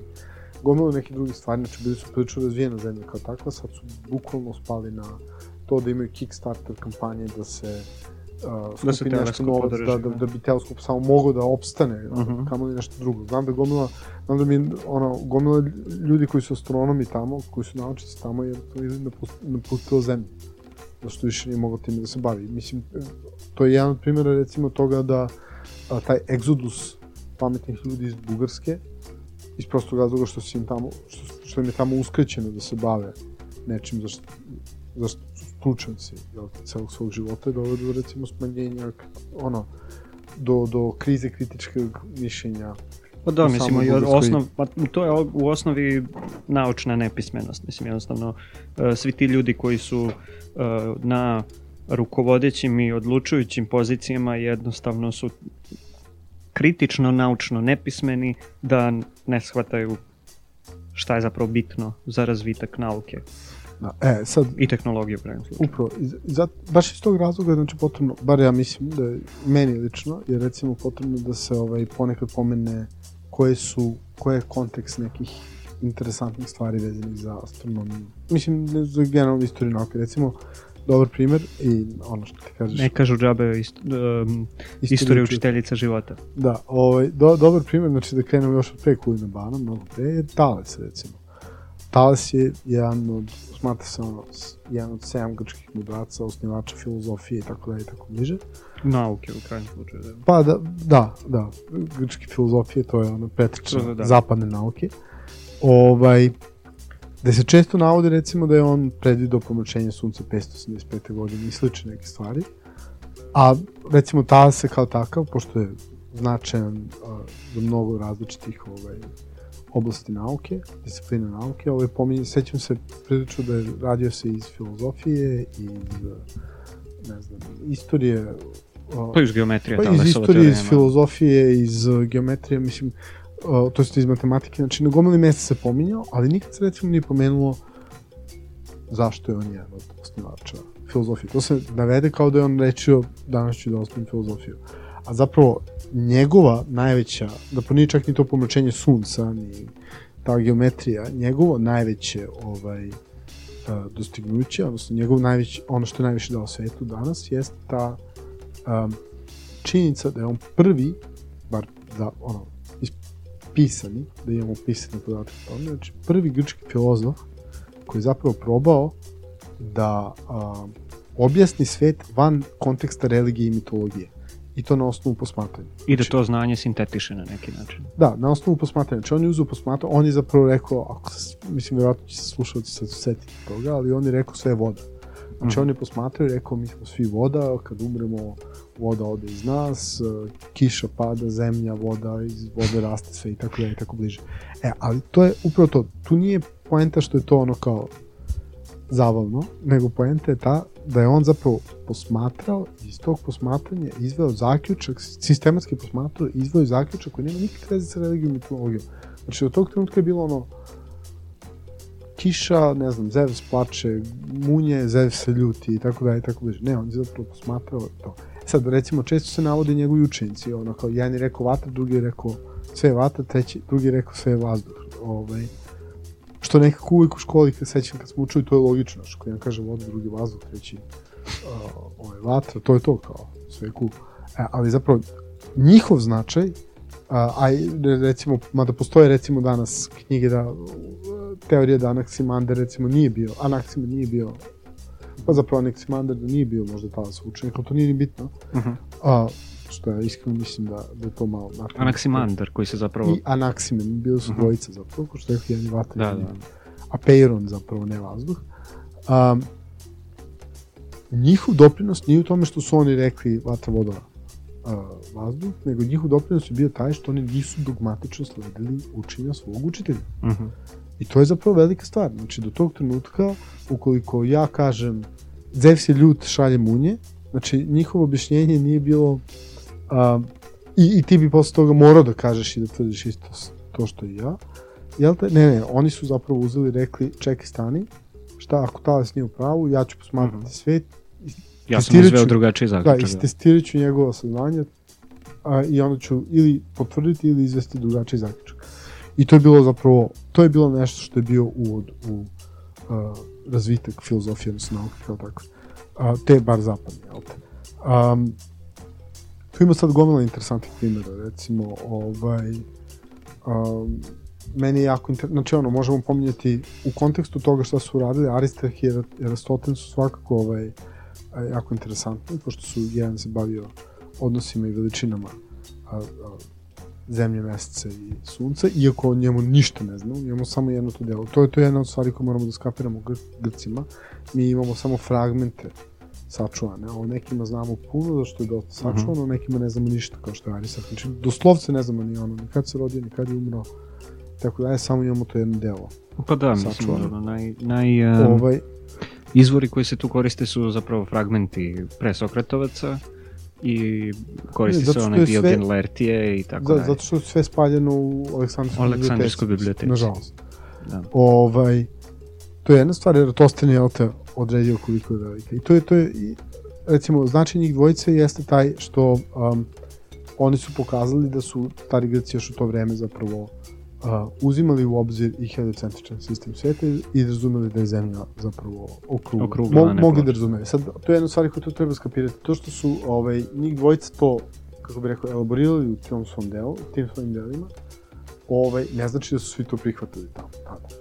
Iz mm. prostog razloga što jednako tako su ljudi koji su ono, geocentričan sistem sveta furali o, i bili su jednako bedljivi kao i ovi. Jednostavno, ovi kažu ovako, ovi kažu ovako. Dobar primjer toga su ovaj Ptolomej, do, dobar primjer toga je znači Ptolomej koji je jednostavno ovaj, kad je sumirao svojih 13 knjiga u svojih 13 knjiga ovaj, istoriju celokupne astronomske nauke u antičkoj Grčkoj um, on je jednostavno uzeo i rekao probat ću da izračunam um, uh, sad više ne mogu da setim da li je Hiperhel ili Tome, ali neko njih dvojice, pošto Hiperhel je bio posmatrač koji napravio prvi katalog zvezde i gomila neke drugih stvari, ono, podelio zvezde po magnitudama. Ali neko njih, mislim da je možda Hiperk čak, on je uzeo i računao je a, kako može da izračuna kretanje nebeskih tela. Ne, zapravo možda je Tome. Nije ni bitno, ali neko njih dvojice uzeo i sve i... Da a, probao da izračuna kretanje nebeskih tela i on je uzo i probao da iskoristi i geocentričan i heliocentričan sistem sveta i shvatio da sa geocentričnim jednostavno imaju daleko bolje razvijen matematički aparat koji je a, koristi no, geocentričan sistem Tolome je razvijao i bicikle i diferent. E, pa da, da. Ovaj, ali o tome se radi. Znači, nije on rekao, ja verujem da je geocentričan sistem sveta. On je jednostavno rekao, meni je, ja precizni izračunam sa ovim formulama gde će se nađe mesec ili sunce na nebu, nego sa ovim drugim, onda ću koristiti ovaj prvi uh, da računam. I, to I jako... bitna stvar je što je sve to ispisao i napisao i što je njegovo delo sačuvano. Da, ali, ali o tome se radi. To nije stvar ono kao, oni su bili geocentrični, geocent, ono, geocentrici, da. Ge, geocent, verovali su geocentričan sistem sveta. Da, tipa, znači nije stvar toga da su oni bili dogmatični kao srednjevekovni uh, kao srednjevekovno učenje crkve. Nego jednostavno su ljudi ono testirali jedno, drugo, treće, pa ćemo vidjeti šta, šta, šta zapravo funkcioniše. Ovaj, tako da, recimo, takve neke stvari i, znači, ko što rekao, non stop su imali su tu situaciju da su znali ili izvodili. Recimo, jedna od stvari isto interesantne koje se koje je jako interesantno pomenuti, recimo, jeste i to da je Pitagora, jel te bio prvi koji probao da nabuđi a, posmatranje teorije. Znači, ono, mm -hmm. on je pre to Muzika, razvio, da, da, da, razvio je teoriju sa onim savršenim oblicima i ostalo sve i onda je pokušavao da kako bi rekao, da, da nabuđi posmatranje tako da pokaže da je ta teorija tačna, iako je bilo jasno da nije. Kepler je posle zapravo koristio a, pravilna Da, to je na početku tela, svoje, da, da, da, da, to je na početku svoje karijere, mislim, ono, kad je, to, to je recimo jedna od stvari, evo, recimo, to je isto jedna od stvari koje, koje je tu interesantna, to konkretno, zašto je Kepler probao u jednom od svojih prvih ovaj, dela da objasni orbite, međusobne rastojanja a, planeta sa sa ono kvadratu, trouglu, u šestouglu, odnosno s onim pravnim polijedrima, zato što je mislio, on je želeo da nađe, to je to je isto, isto jedan kontekst, konteksta za, za njega i za zapravo naučnike njegovog perioda, oni su mislili da time što otkrivaju nešto u svetu, da će se približiti Bogu i da će razumeti Božju viziju, kao tako. I to je zapravo nešto što je držalo i Keplera i Newtona jednim delom, iako je Newton ono, bio ovaj, ludak po sebi. Da, ludak za sebe. A, I Keplera, i Newtona, i Kopernika, i sve njih, recimo. Tako da s te strane. Recimo, um, upravo to možemo, da, ako bismo skočili pravo na njih, znači Kopernik je jednostavno bio veoma dobro učen kako, kako bih rekao, veoma, veoma široko učen čovek koji je dosta toga ispitivao i verovatno je naišao na Aristarhova dela u bibliotekama crkve katoličke, pošto imamo pristupa svemu tome. Ovaj, I on je, ali je svejedno bio jako, kako bih rekao, nije, nije hteo da bio pobožan čovjek, iako zapravo u dosta knjiga će se naći da je Kopernik bio sveštenik. Mm -hmm. To, je, to možda nije tačno, zapravo u poslednje vreme se javljaju zapravo spisi koji pokazuju da on, iako je bio um, uh, izučavao kanonsko pravo, mislim, doktorirao kanonsko pravo, on nije ovaj, zapravo uh, nigde ne postoji pisani podatak da je uveden u, u, u red sveštenika. U red da, sveštenika, u čin sveštenika. Iako je bio uh, akolit, čini mi se, što je niži, niži čin. Znači, za to postoje pisani podaci, ali to ne znači da je zapravo bio uveden u red sveštenika kao tako. Tako da je to jako interesantna stvar. E, a, Ali tu... pritom, mislim, on je, on je radio i živeo u doba kada je počinjala da se stvara inkvizicija u katoličkoj crkvi i kada su mišljenja da je zemlja, da se zemlja kreće oko sunca, a da se ne kreće sve oko zemlje, zapravo bila kažnjavana. Imamo čuveni primer Đordana Bruna Ali, da, kasnije. Ali da, Đordano Bruno nije kažnjen samo zbog toga, on je kažnjen zbog mnogo, mnogo. On je, nije, nije, nije spaljen zbog jedne stvari, on je tipa On je tvrdio da zapravo bog stvari, katoličke crkve je mali bog i da se treba okrenuti bogu beskonačnosti i tako dalje. Da, i da oko drugih svetova postoji život oko, i da, da. da ono, baš puno, puno, ovaj, baš im je nabio prst u oko, ono, kako god je mogao, što se toga tiče. E, ali zapravo ono što je meni interesantnije za Kopernika jeste što pokazuje ova priča o, o tome da ljudi misle da je sveštenik, kao nije bio sveštenik i da ima pristup. Znači, to je bilo vreme kada si jedino obrazovanje mogu da dobiš kroz crkvu. Znači, nije, nije postala nikakva mogućnost da budeš obrazovan mm -hmm. van crkve kao tako. I to vreme je trajalo sve do uh, 17. veka. Znači, kraja 17. veka su počeli prvi univerziteti i da se da znanje bude dostupno van crkve ljudima. I to uglavnom nekim bogatima kao tako. Ovaj, Ali do tog trenutka Kepler i Kopernik i dobro Galileo bio sam ovo, on je isto ovaj, ludak za sebe suprotno od ovoga. Tiho Brah je isto. Tiho Brah je isto. Ali ne, Tiho Brah je bio aristokrata, on je bio jako bogat, tako da sa te strane... Što je isto još jedna, interesant, još jedna bitna stvar Znači, nauka se razvijala u crkvama i razvijala se na dvorovima zato što na su... dvorima, zato što su ljudi mogli da se zapravo bave time kao bogataši i ostalo sve što je Brahijel te pokazao. E, a tu je, znači, jedna od, znači tu imamo onda Kopernika koji možda jeste ili nije bio sveštenik, ovaj, ali svejedno je čekao do kraja života da bukvalno samrti moje objavljeno delo kao tako, upravo zato što se bojao, nije hteo da zapravo a, mm -hmm. struči na sebe gnjev. Ono što je interesantno jeste da Kopernikovo delo nije, to je jako interesantna stvar. Imao sam prilike da zapravo radim recenziju, stručnu recenziju Kopernikovog dela, ovaj, koja je objavljeno u izdanju Akademske misli sa koleginicom doktorom Tijanom Podanović. Ovaj, I interesantna stvar sa Kopernikovim delom je bila ta što uh, ono nije naišlo na osudu odmah. Bilo je pokušaja relativno brzo posle njegove smrti da se osudi, ali to je su bili relativno jalovi pokušaji koji nisu naišli na šire prihvate, mm -hmm. tako.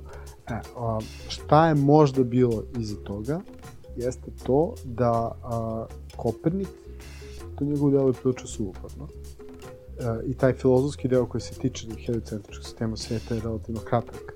Veći deo Kopernikovog dela je bukvalno putstvo kako izračunati položaje a, nebeskih tela na nebeskoj sferi.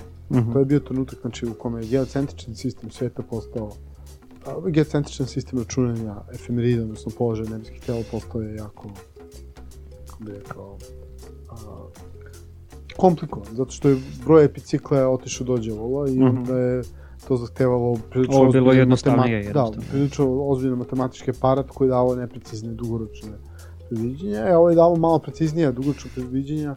Na jednostavniji način. Na dosta jednostavni način, gde si još imao upisano uputstvo koje treba da pratiš i to je to. Ovaj, e, i ovaj, dugo sam mislio da je recimo Kopernikovo delo bilo nečitano. U smislu da on ga izdao i nikoga nije čitao i da zato nije naišlo na a, neko prihvaćenje ili osudu ili tako nešto. Znači do Galilea, tad je zapravo bilo zabranjeno tek. Ali ovaj, moderni istoričari su uzeli i popisali su sva izdanja Kopernikovih dela iz raznih biblioteka i popisali su zapravo kako je njihovo stanje. I šta se ono ispostavilo? Šta se ispostavilo? Ispostavilo se da je zapravo Kopernikovo delo bilo prilično frekventno kopirano i deljeno među astronomima tog doba i kasnije, gde je zapravo naj, deo koji se najviše koristio je bio upravo deo za računanje efemerida. Znači, gomila mm -hmm. tih Kopernikovih sačuvanih knjiga iz tih perioda ima gomilu uh, primjera, primjera na marginama beleški u onom delu gde se računaju zapravo efemeridi. Znači, mm -hmm. manje više ono nekako to kod da je postalo Biblija za ljude koji pokušavaju da izračunaju efemeride, iako neće zvanično da kažu da jesu za njega heliocentrični sistem sveta, oni su možda koristili heliocentrični sistem sveta jer je bilo lakše izračunati efemeride, što je zapravo meni bilo jako, jako interesantno kao tako. Znači, mm -hmm. to upravo stavlja to u kontekst, znači, na koji način se zapravo ideja širi među uh, stručnom među širom da. javnošću, da. da.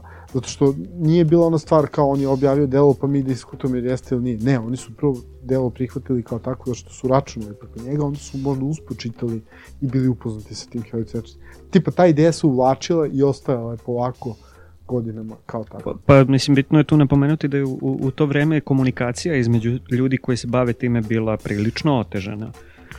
Pa da, ali da se nije, razumemo... Nije da bilo razumemo, elektronske ali, pošte, nije bilo da, arhiva i tako dalje. Da, bilo je, to, to, to isto mora, nije bilo ne znam koliko, bilo je svega par centara gde su, oko, oko kojih su se okupljali ljudi koji su se bavili astronomijom.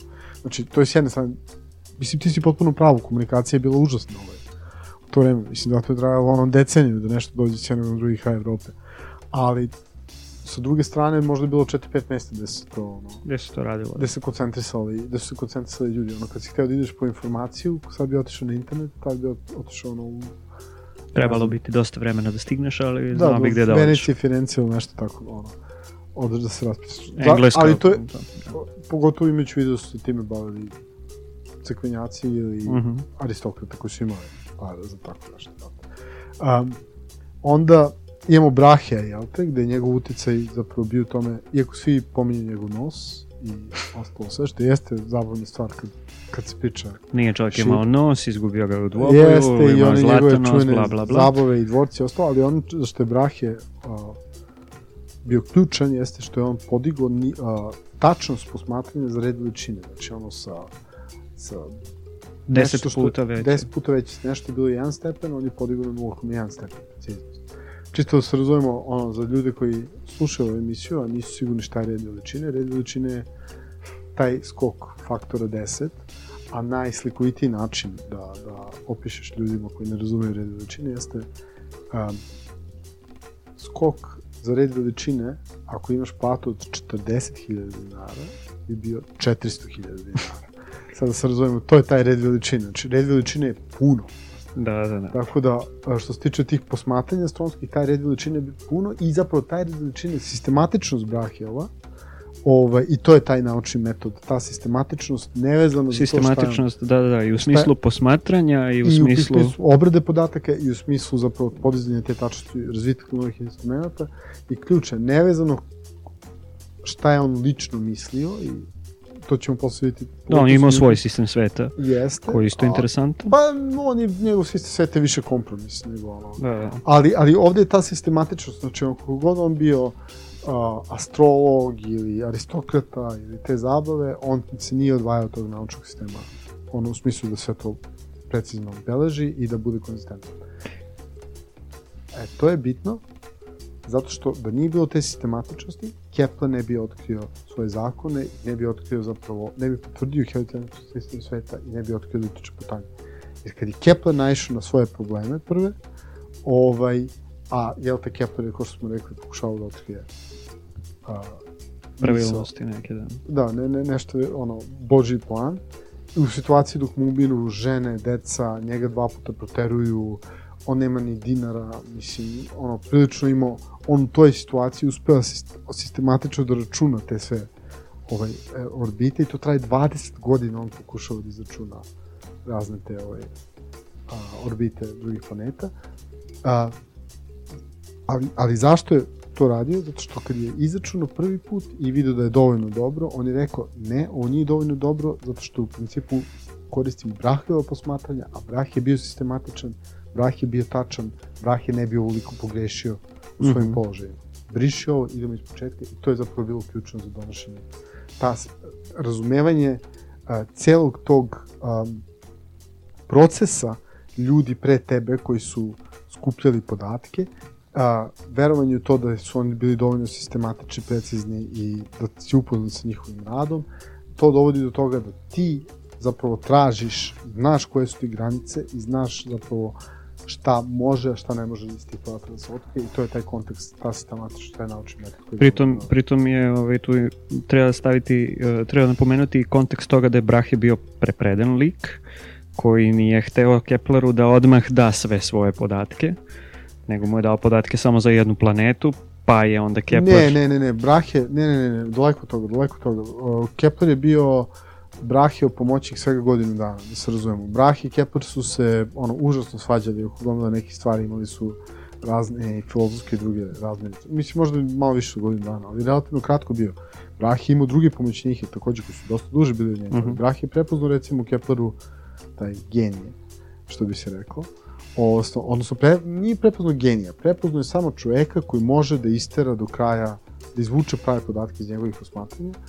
I Brahe kad je umro, ostavio je Kepleru sve svoje podatke. Kepler je izabrao Mars da se bavi sa njime, zato što je, za razliku od ostalih planeta, Mars imao najviše tačaka na orbiti. Sa mm -hmm. te strane, zato što u tih 20 godina koliko je Kepler, ovaj, Brahe posmatrao, uh, imao si daleko manje tačaka za Jupiter i za Saturn, pošto su planete sa, koji imaju daleko duže ovaj, orbitalne periode, i imao si nedovoljno tačaka za Veneru, zato što je unutrašnja planeta, pa deo kad je blizu Sunca ne vidiš, nego mm -hmm. za mhm. Mars. I onda je on jednostavno sistematizovao podatke i rekao, e, najlakše mi da radim s Marsom, imam najviše, najpreciznije merenje.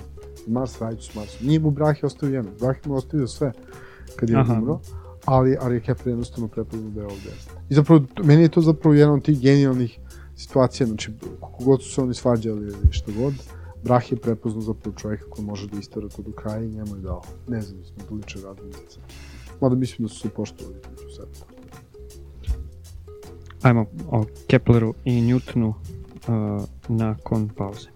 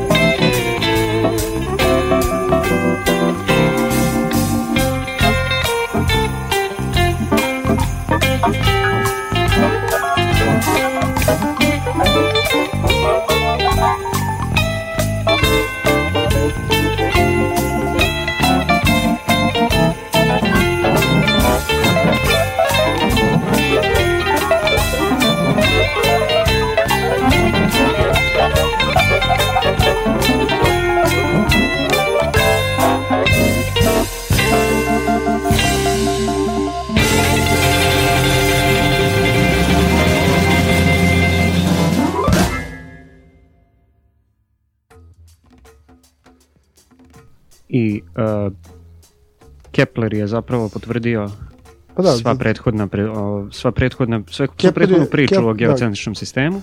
Ke, da, Kepler je neko bio kombinacija uh, Kopernikanske, Kopernikanske revolu- revolucije. revolucije. Ovaj, zato što posle njega više nije bilo ovaj, uh, on je došao, znači pre njega je bio Galileo, uh, bio, čak i Brah je zapravo vidio tu nešto neštima što se toga tiče, zato i do, do, donao taj svoj sistem kao kompromis.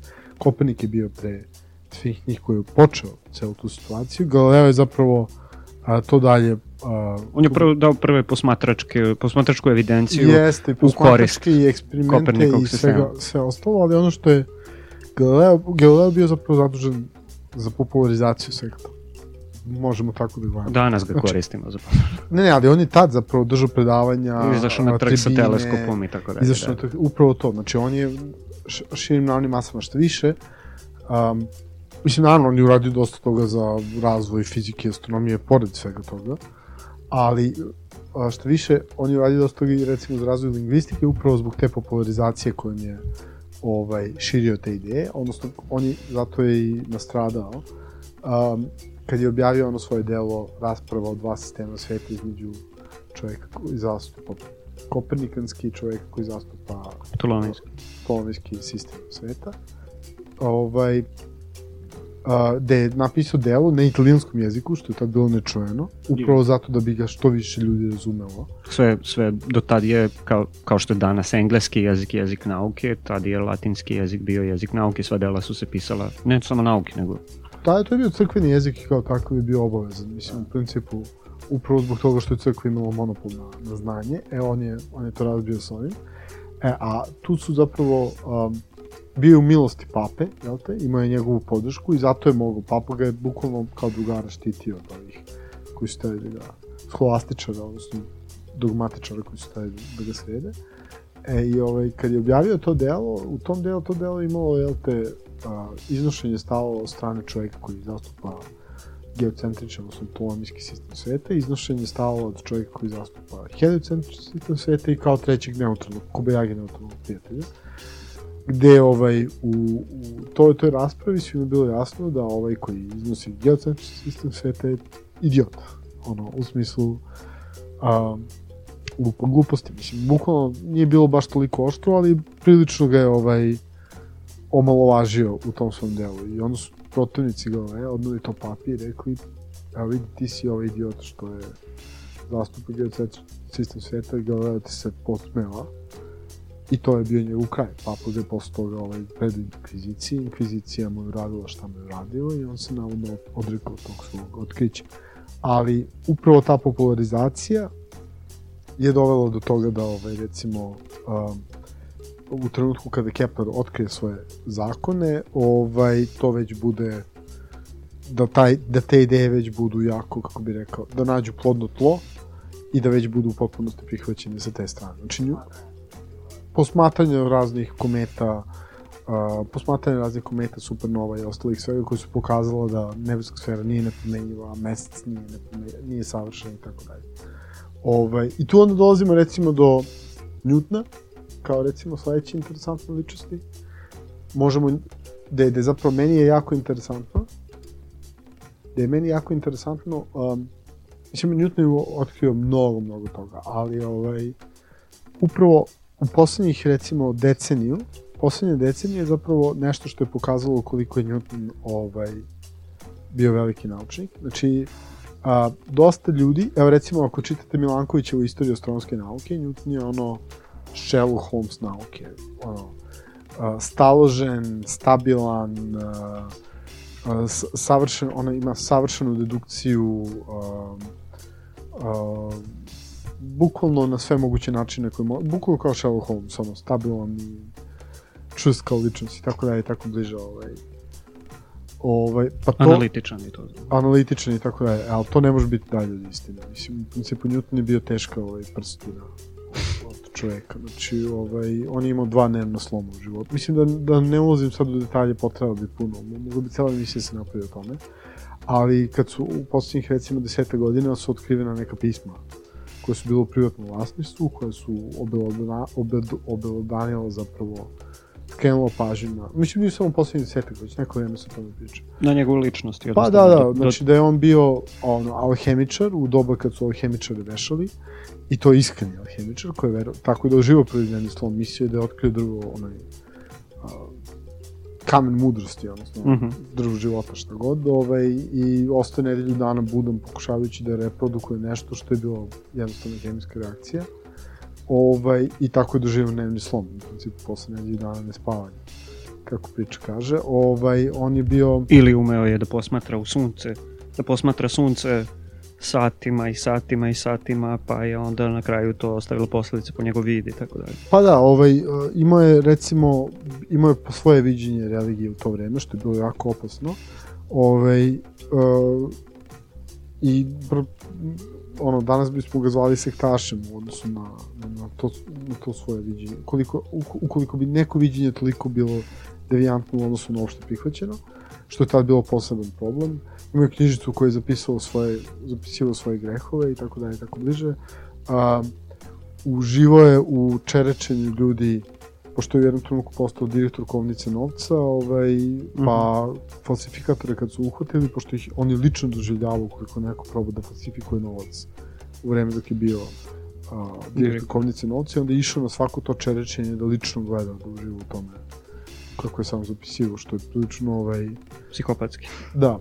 E, ali ono što, što, što ga čini zapravo um, najvećim naučnikom. Na, najvećim naučnikom jeste da a, kroz sve te njegove ovaj, a, umišljenja, da ne kažem tripove, a, kroz sve te njegove nesigurnosti, kroz sve te njegove ovaj, interpretacije alhemičarske, mislim, kroz sve te njegove ono, bavljanje alhemijom i a, Biblijom stvari. i religijom na poseban način ostalo sve, sve, ost, sve što je radio naučno, on je radio sistematično, potpuno prateći naučni metod. On uopšte nije interpretirao kroz alhemiju ili kroz religiju uh, integralni, uh, diferencijalni račun, uh, recimo kako prizma razlaže boje, da su boje osnovno sta, sve, ono, stanje svetlosti, uh, zakon gravitacije i slične stvari. Znači, on je to bukvalno prezentovao na ono na, na najracionalnoj, na, najracionalni da. naučički način, iako iza toga nije bio ni najmanje racionalan kao takav. I to je ono što ga zapravo čini najvećim naučnikom. Kroz sve te teškoće i nedaće, on nije dopustio da to lično utiče na njegovo bavljanje nauku, što je meni prilično impresivno, jer ja, ono, to je izuzetno teško zapravo postići, mhm. -huh. ovaj, pogotovo u to vreme. Mislim, gledajući istorijski izuzetno teško je postići, zapravo i upravo je primjer toga pomenuli smo već ranije, znači Teslu koji je otkrio mhm. -huh. radio talasa sa Jupitera, a onda ih interpretirao na, kroz neke svoje, ovaj, kako bi rekao, uh, kroz neke svoje verovanja, znači i kroz neke svoje viđenje sveta koje nije imalo veze sa, sa naučnim metodom i sa, sa tom sistematičnoću. Znači on je interpretirao te radio signale sa Jupitera kao poruke vanzemajaca i tako da je tako bliži, time je zapravo skrenuo pažnju sa, potpuno je zamaskirao taj to naučno otkriće kao tako. I zato je te Karlijanski 30 godina kasnije započeo radio astronomiju. Da je Tesla na, na, radio na način na koji je Newton radio, mi bismo radio astronomiju počeli 30 godina pre toga. I u tom kontekstu, u tom kontekstu ona dilema, da li je Tesla pronalazač ili naučnik, ne, ne, pa, bio zapravo nije dilema, Tesla je pronalazač, nije tiče, naučnik. Da, što se tiče gomila ovih stvari, uh, u odnosu na Newton, pogotovo što se tiče tako nekih stvari, Tesla je pronalazač, Newton je bio naučnik kao tako. Daleko od toga da, da je Tesla, ovaj, da, da nas nije zadužio. Da njegova dostignuća nisu mala, ali, da, velika. Da, nisu mala, ali jednostavno ovaj, uh, on je imao potencijal za mnogo više, da je zapravo bio sistematični što se tiče naučnog metoda kao tako. Recimo, da. Tesla nije verovao u elektrone ili tako neke situacije. I to je ono što je recimo ovaj... Nije verovao u elektrone u doba kada se za elektrone zapravo vrlo naučno znalo. Da, e, i to je, to je ono što je, znači, ne samo za elektrone, mislim, Ma da, ne, ne, ali što se tiče Newtona, što se tiče Newtona, to je ono što je Newton. E da, još jedna stvar, Newton je potpunosti razumeo ovaj, da njegovo istraživanje dolazi kao kombinacija a, u tom trenutku već kombinacija dugog niza. Znači, za razliku od a, ovih prehodnih ljudi koji su se u srednjem veku bavili naukom, gde je zapravo broj ljudi koji su pre tebe se bavili time relativno mali, nakon Newtona ovaj, mi dolazimo do one situacije da imamo akumulaciju znanja i proboj u nauci, gde akumulacija znanja su generacije naučnika koji su radile na istom problemu kao i ti. I u istoj I paradigmi. Po mic, da, mic po mic su ga, ili čak i može i drugačije, da, da, nije ni da. bitno, da. ali mic po mic su skupljali podatke i pomerali se, gde na kraju dođe jedan čovek i sve te podatke stavlja neki kontekst i skapira da je to nešto novo. I tad dolazi do prave promene paradigme, da se razumemo. Znači, ono, Einstein sa opštom teorijom relativnosti i Einstein seo i sve to od nule otkrio. Znači, on je koristio Lorenzove transformacije, da, da. Uh, imao je Maxwella pre njega, imao je gomilu zapravo ljudi pre njega koji su se bavili sa svim tim. I ono ste Maha, pa, Michael su morali eksperimenti. Tako da. jeste, Herbert, ovoga, um, kako se zove, onog matematičara koga je koristio. Herman Weyl. Ne, ne, ne, ne on čuvenog bre, matematičara. Minkovsko. Stavim mozak sada. Hilbert. Hilberta, hvala. Koji je ovaj, ko, koga je koristio za da, da mu radi neka matematička istračunavanja. Koga mu, ono, a iako ga nikad nije ovaj, po, kako bih rekao, nikog nije, ovaj, nikad mu se nije zahvalio na tome. Ali da, i bukvalno znači, imamo situaciju da znači, Albert Einstein je bio čovjek koji je samo sta, interpretacija svih tih rezultata na jednom mestu ga je dovelo do specijalne opšte teorije relativnosti i po tome recimo on genijalno sa te strane. Za razliku od, od ovih likova iz srednjeg veka koji su bili dovoljno sistematični. I ovaj, to su, to su neke stvari, recimo, taj, re, u, u moderno vreme je potrebno skapirati, znači, ovaj, znači potrebno je skapirati taj kontekst u, u kome se nauka razvijala i što se tiče antičke Grčke i što se tiče srednjeg veka i pogotovo kako se to, to transformisalo u, u modernu nauku. U modernu nauku ovako kako mi imamo danas. A, iz prostog razloga što ovaj, ove moderne studente, ono, potrebno je shvatiti da ukoliko ne postoji to akumulacija znanja sada već, ukoliko ne postoji taj bavljenje fundamentalnom naukom, a, to može da u potpunosti, uh, kako bih rekao, saseče krila razvoja ili i društvenog i uh, humanističkog i uh, bilo kog drugog razvoja čovečanstva kao tako. Recimo, jedan divan primer nerazumevanja, uh, mislim, jedan divan primer toga kako fundamentalna nauka funkcioniše jeste u tome da mi danas nemamo predstavu kad se bavimo fundamentalno. Znači, kad kažem fundamentalna nauka, mislim ono matematika, čista matematika, teorijska fizika, astrofizika, tako nešto što nema direktnu primjenu, odnosno direktnu transfer tehnologije, mi imamo tu situaciju da a, te sve nauke de, definitivno utiču na razvoj, ali mi ne znamo na koji način i kada u trenutku kad se bavimo tim. I mi ne znamo šta će od toga koliko da utiče. Ja uvijek volim da navodim primer uh, petting, PET skenera i magnetne rezonance, uh mhm. -huh. koji ne bi bili razvijeni da nije razvijena aperturna sinteza za analizu slika sa Hubble teleskopa, u trenutku kad je Hubble teleskop, mislim kad su već razmatrali razvijanje tak, takvih vrsta teleskopa 70. i 80. godina.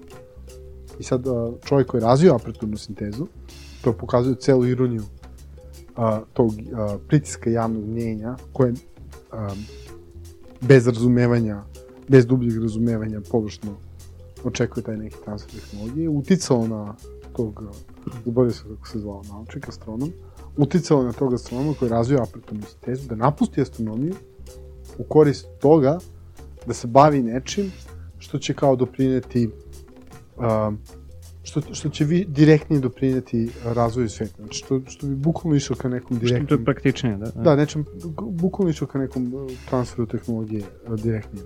Ironijom, zapravo, njegovo astronomsko otkriće je nešto što je najviše promenilo svet, jer mi danas ne bismo imali CAT i PET skenere, da nije bilo njegovog astronomskog otkrića, a ova drugo njegovo bavljanje kao pragmatičnim stvarima je potpuno ostalo ne, uh mhm. -huh. nezapaženo kao tako. Ovaj, dakle, pa da... još jedna interesantna stvar je i razvoj weba, koji je zapravo razvijen u CERN-u. Pa da, da, za potrebe web komunikacije. Nas, da, web, za potrebe komunikacije naučnika. World Wide Web, kao jest. Za potrebe komunikacije za... naučnika između raznih laboratorija, da. upravo, upravo zbog toga. Ali da, to znači mi ne možemo, ali tu, tu imamo, to je zapravo jeste direktan transfer tehnologije. Mhm. -huh. Razvijen je web, i taj web je jednostavno nastavio da se razvija kao takav. Ovaj, ali tu bi više bila ideja ono kako se razvili tranzistori i katodne cevi i ostalo sve da ljudi mm -hmm. nisu kapirali da bi to moglo da se razviju neke računare ili nešto, pa je mm -hmm. to posle nastao računar. Ali, ali ovo, je, ovo je meni baš ono, jer na, ja prvi put kad sam, ono, to, to se obično, to je bila posledica um, uh, neke rasprave vezane za to zašto se mi bavimo astronomijom i kako astronomija nikad ništa nije uradila za razvoj sveta gde se on to pokazuje da jeste uradila gomila nekih stvari, mm. da gomila nekih stvari koje danas uzimamo u svakodnevnom životu, znači i u medicini, i u navigaciji, i ono, raznim drugim stvarima, GPS sistemi, ostalo sve, a, da jesu zapravo posledice nekih direktnih istraživanja u astronomiji i astrofizici. Tako da, um, Ali ono što je, i, i konačno, ultimativno ono što je trenutno najbitnije u današnjem svetu, što je meni lično isto jedna jako bitna stvar, jeste razvitak te kritične misli. Pogotovo u današnjem svetu gdje imamo neograničen pristup ono, informacijama. informacijama, pogotovo ono, imamo kumulativne informacije celog ljudskog roda dostupne besplatno. Mislim, kvazi besplatno, pošto ipak plaćamo pristup internetu, ali može i besplatno, pošto Wi-Fi će dosta mesta besplatno. Znači, mi imamo pristup svim tim informacijama i mi smo bombardovani njime bez kritičnog razvijenja kritičnog razmišljanja, kritične misli. Mi nećemo znati da izvučemo iz mora tih informacija, one korisne i dobre informacije u odnosu na nesenzacionalističke ili čisto tu one koji su zabavni. Tako da, u celom tom kontekstu ovo je zapravo jako, jako bitna priča. Pogotovo za generacije koje tek dolaze. Eto, ja mislim da je to fina poruka za kraj ove glavne teme. A, tako da možemo sad još jednom da zasviramo neku novogodišnju muziku, a, a onda se vraćamo i završavamo epizodu standardnom rubrikom Jedan pisac, jedna knjiga u kojoj Nemanja odvojio jednu interesantnu knjigu a, da nam o njoj priča danas. Ajmo malo da slušamo muziku.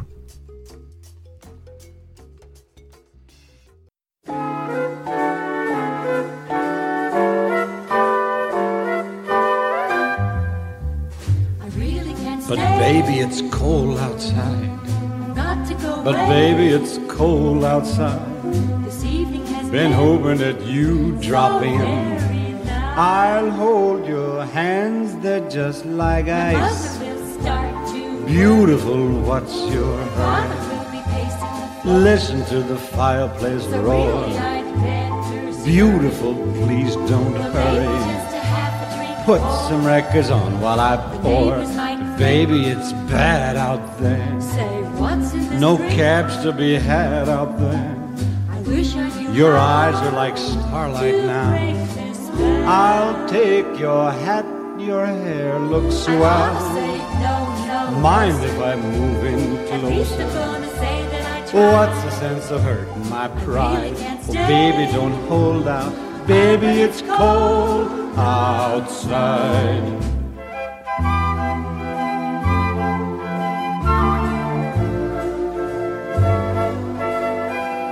I simply must go. Baby, it's cold outside snow. Baby, it's cold outside. The welcome has How lucky that you so dropped in. Nice Look out the window at the storm. Gosh, your lips look My delicious. At Waves upon the tropical shore. Gosh, your lips are delicious. Never such a blizzard before. But baby, you'd freeze out there. Say, lend me a coat. It's up to your knees out there. You've really been I great. thrill when you touch my hand. don't you see? How can you do this thing to bound to me? be talk Think of my lifelong At sorrow. will be plenty in If you got pneumonia and I really can't get over that old doubt. Baby, it's cold. Baby, it's cold outside.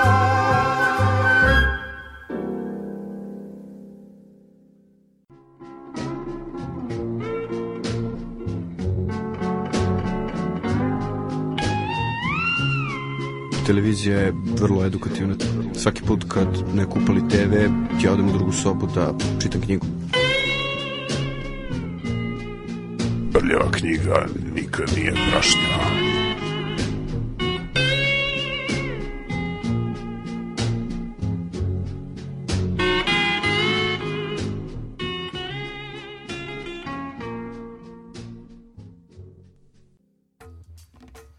Evo te naše e, čuvene špice koja najavljuje rubriku Jedan pisac, jedna knjiga. Nemanja, šta si to doneo danas da, da, da čitamo i da pričamo? Pa, donosim jednu zapravo, jednu klasik, jednu knjigu koja se smatra klasik naučne fantastike kao takvu, ovaj, i dobro će se uklopiti u ovu temu, pogotovo uz ovo što smo završili sa glavnom temom kao nedostatak, da, da bi trebalo paziti da ne, ne nestane kritične misli i, manjka obrazovanja i svega. Ovaj, knjiga se zove Reklamokratija, tako je prevedena kod nas u izdanju Kentaura iz uh, 80-ih, čini se godina, ne znam da li ima neko modernije izdanje, 70-ih, i- o, pa da, još 60-ih i 70-ih. Mm, pisali su je Fredrik Paul i uh, Kornblut, zaboravio kako se zove, Cecil, Mhm. Cecil Kornblut. Ovaj, na engleskom izdanju to se zove, knjiga se zove Space Merchants. Mhm. Ovaj, ovo je jedna od retkih knjiga, Svemirski trgovci. da, ovo je jedna od retkih knjiga koja ima mnogo bolji naslov na, Na srpskom nego na engleskom. prevedeno na srpski nego na, na, na originalnom engleskom. Znači ovo su, dva pisca su zapravo bila odgovorna za ovu knjigu, iako je ovaj a, onaj koji je najviše radio, koji je najodgovorniji za ovo Fredrik. A Fredrik Paul je zapravo jedan od a, kultnih pisaca naučne fantastike, pogotovo i tog zlatnog doba naučne fantastike 50-ih i 60-ih. On je poznat po nekim drugim knjigama kao što su Anali Hitchija, Mhm. koji ima jako interesantnu ideju. A, zatim, a, ne znam, Čovjek Puls, a, Jam i tako dalje. Ali ovo, i ovo i po ovoj knjizi, po Space Merchants, odnosno reklamokrati. Uh, Cecil Kornblut mu je zapravo bio jako dobar prijatelj, koji je radio sa njim na razvoju ove knjige takođe, ono, zajedno su, zajedno su pisali ovu knjigu, nažalost Cecil Kornblut je po, umro relativno mlad, ovaj, trčeći za nekim 30 kusur godina, ono, pokušavao je da stigne neki tramvaj i doživio je srčani udar, ovaj, kao takav. A inače do tog trenutka je bio prilično ono talentovan i ono, pisac naučne fantastike kome su predviđali ono briljantnu karijeru. Um, postoji nastavak ove knjige koju je napisao samo Frederick Paul, koja se zove ovaj, Rat trgovaca, Space Merchants War. E, ono što je interesantno u ovoj knjizi, znači Frederick Paul je relativno skoro umro, on doživio je 90 godina i zapravo ima je dobio gomilu Hugo i Nebula nagrada i raznih drugih nagrada i tako da i tako duže. Ono, on je počeo u naučno-fantastičnom udruženju koji su zvali um, Futur, Futu, Futurians, Futurians. Futuristi. Pa da, 50-ih zapravo i u tom udruženju su bili uh, Frederick Paul, Isaac Asimov i još neki briljantni. Arthur. Clarke, verovatno. Da. Ne, nije, nije bio što? Arthur Clarke, pošto je ovo bilo na, mislim, na, na istočnoj obali. Mhm. Ovaj, A, I ko što rekao, u tom udruženju su bili neki, neki prilično briljantni pisci naučne fantastike i oni su ostali prijatelji posle celog života kao tako. Um, e, ono što izdvaja ovu knjigu, mislim zašto sam je sad izabrao, jeste um, pa nekoliko stvari zapravo.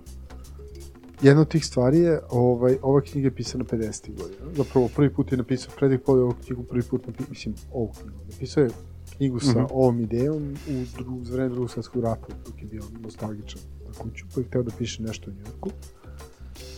Um, pa onda kad se vratio u SAD zapravo prepisao knjigu drugi put. Tipa zaposlio se kao u reklamnoj agenciji da bi ovaj, video kako to izgleda. Um, da bi, da bi mogao da napiše knjigu. Onda je napisao knjigu drugi put i onda je tipa godinama kasnije kad je napustio posao u reklamnoj agenciji koji, koji ga je malo okupirao da promeni karijeru. Um, spalio je oba ta svoja rukopisa i napisao je treću knjigu, to je ova tu treću knjigu je video ovaj Kondu, Cecil Kondu kad je nam došao kod njega i zajedno su seli radili na tome ovaj, nekoliko meseci godine i uspeli su izdaju. Sad da stvar bude a, interesantnija, ovu knjigu niko nije hteo da izda. Mhm. Zato što su ljudi rekli, ova knjiga je previše distopistička, odnosno previše tamni pogled na budućnost čovečanstva i nikome se nije svidalo zbog toga. Ali na kraju jeste uspod da izda i nije mogu da veruje da je uspod da izda. Ovaj, neki mladi izdavač je izdao ovu knjigu, znam da Fredrik Poli komentarisao nešto u fazonu a, čovjek je mlad, nema pojma, pa uspio sam, uspio sam da ga prevarim. I ova knjiga je izdata recimo, mislim, ono posle knjige Demolished Man, uništenje čovjeka Alfreda Bestera, što isto preporučujem ovaj, slušalcima da pročitaju, isto je jedna od knjiga, isto fantastična, van vremenska.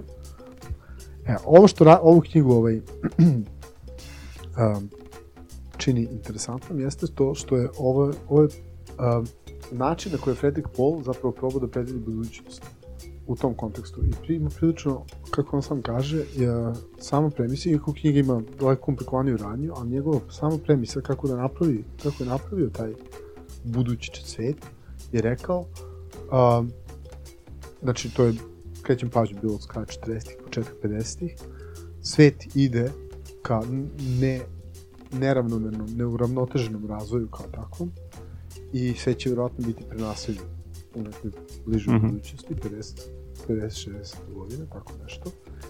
I ajde da pretpostavim kako će sve da izgleda ukoliko bude bio prenaseljen. Da stvar bude bolja, on nije jedini koji je to uradio. Mhm. John Brunner sa knjigom Stand on Zanzibar je uradio sličnu stvar. I, I ova knjiga i ta knjiga su potpuno neverovatne, zato što prvi put kad sam ja čitao ovu knjigu, ja sam mislio da je ova knjiga pisana s kraja 80. godina, ovaj, pred, ko, ko je pokušao, da, je pokušano da se predvidi kako će sve da bude za 10 godina. A ova je knjiga koja je u stvari napisana pre više od 50 godina, Mhm. gde on zapravo samo na osnovu te premise kako će sve da izgleda u budućnosti ovaj, a, prenastavljen sve da izgleda zapravo dosta toga predvideo. Znači on je predvideo upravo to da postoje korporacije koje su, mislim, aj sad ovako, ja ću da ispričam šta je on predvideo, pa vi probajte da, mislim i ti slušalci probajte da ovaj, vidite koliko toga je ovaj, a, kako bi rekao, odgovara realnom stanju Mhm. stvari. Znači, on je predvideo znači, da uz, na planeti, zemlji, u situaciji da ima 5 milijardi ljudi, i malo više od 5 milijardi ljudi, imamo situaciju da je ovaj, a, prirodni resursi su postali nedovoljno dobro rastupljeni svima. To je dovelo do klasnih podela u smislu toga da postoji jako velika eksploatisana radna snaga, da zapravo manjina populacije, da je on ovde u prilike u jednom trenutku kaže da 5% populacije na planeti kontroliše bogatstvo za ostalih 95% populacije kroz korporacije a, reklamne i kroz reklamne korporacije ovde u knjizi koje su toliko moćne i sa reklamama i a, kontrolisanjem medija a, toliko su moćne da na taj način uspevaju zapravo da drže ostalih 95% pod kontrolom, ne zapravo ništa direktno, nego upravo kroz to potrošačko društvo da od njih tera da kupuju a, proizvode koji oni a, brendiraju i ubeđuju ih preko reklama da su to proizvodi koji njima trebaju upravo za tako nešto. Predvideo je bukvalno konzumerizam koji danas postoji. Uslovno konzumerizam. Država je previše slaba da može da, te, da stane na put tim korporacijama kao takvim. A, predvideo je a, u jednom trenutku knjige, knjige opisuje ono što ljudi koji ako rade neko programiranje ili ne, ne, neki project management, ono nešto se danas zove agile development sa frekventnim s- dnevnim sastancima, skramovima i ostalim Mhm. stvarima, predvidio je ruku za srce In- za Indiju, ali ne za Kinu, da postoji a, da je jedna korporacija uspela da od celog, cele države, slash podkontinenta, pošto u ovom slučaju Indija, napravi proizvodni proces koji ona prodaje bogatom bogatoj klijenteli na zapadu Mhm. kroz jednu kompaniju, što ovaj, potpuno slikava ono što Alibaba radi u Kini. Znači, Alibaba i AliExpress su u suštini kompanija koju gde vi sa zapada možete da kupite direktno proizvod, samo preko Alibaba proizvode od proizvođača koji rade za zapad na kineskom tržištu. E, to isto je tamo proizvode za Indiju. Recimo. I može da se kupi malta ne sve. Mo, da, da, upravo to. Može se kupi sve od igla do lokomotive, na malo ili na veliko, u principu gde ima ta korporacija koja kontroliše to, ona je ultra bogata, ovaj, ovi svi proizvode i onda svi prodaju bogatoj klijenteli na, na, na zapadnim zemljama. Ovaj, tako da, a, ova je knjiga gde se prvi put prvi put pisani trag postoji za 3D, kao trodimenzionalna slika, predvide zapravo te igrice, pa 50-ih, da se Mhm. razumemo. A, prvi put se pominje soja burger kao ovaj jelo, Mhm. zato što jel te nema dovoljno mesa za sve i ostalo, sve te stvari. Prvi put se pominju gomila nekih drugih stvari koje je zapravo ovaj, jako inter... Mislim da postoji čak i na Wikipediji unos, ono koje se Dobro, nemoj sve da, pre, nemoj sve da otkrivaš. Ne, ne, ne, nisam otkrio ništa od ranje, da se razumemo. Ja, samo sam otkrio način na koji je on zapravo opisao taj svet. Uh, I da, da, ono što je jako interesantno, znači ta vladajuća klasa, mislim, kad kažem klasa tu, znači mislim pre svega na uh, direktore i bogataše koji su ono ultra bogati u tim svim situacijama. Uh, ta vladajuća klasa je potpuno nesasna toga kako običan čovjek živi na ulici kao tako. I oni imaju neku potpuno ono izvitoperenu sliku toga da je svet kao super je mesto, razumiješ, ono, i da, ljudi se dele na potrošače i te kao bogataše koji kontrolišu medije i sve Pa ostalo. to je ono društvo snova. Društvo, sad snova, da, e, još jedna stvar je e, jako interesantna, pošto je ovo pisano 50-ih, ovo je pisano pre prvih lansiranja raketa i putovanja i ostalo sve. A, cela premisa knjige je da oni razvijaju da na mesecu već postoje ono kao turističko mesto kolonije koje je turističko mesto gde oni gde može da se ide ukoliko se ima dovoljno para, to nije Mhm. za sve, nego samo za one koji imaju dovoljno para da mm na mesec kao takvu. I trenutno se raspravlja o kolonizaciji, cela knjiga se bavi vez premisa knjige i kolonizacije Venere Mhm. ovaj, kao takva, gde zapravo postoji razlika između toga na koji način. Gde, gde reklamna kompanija pokušava da se izbori za to da Venera bude, da imaju apsolutni, apsolutni monopol na Veneri kao tako. Ovaj, znači to je bilo pre lansiranja raketa i drugih nekih interesantnih stvari. Ovaj,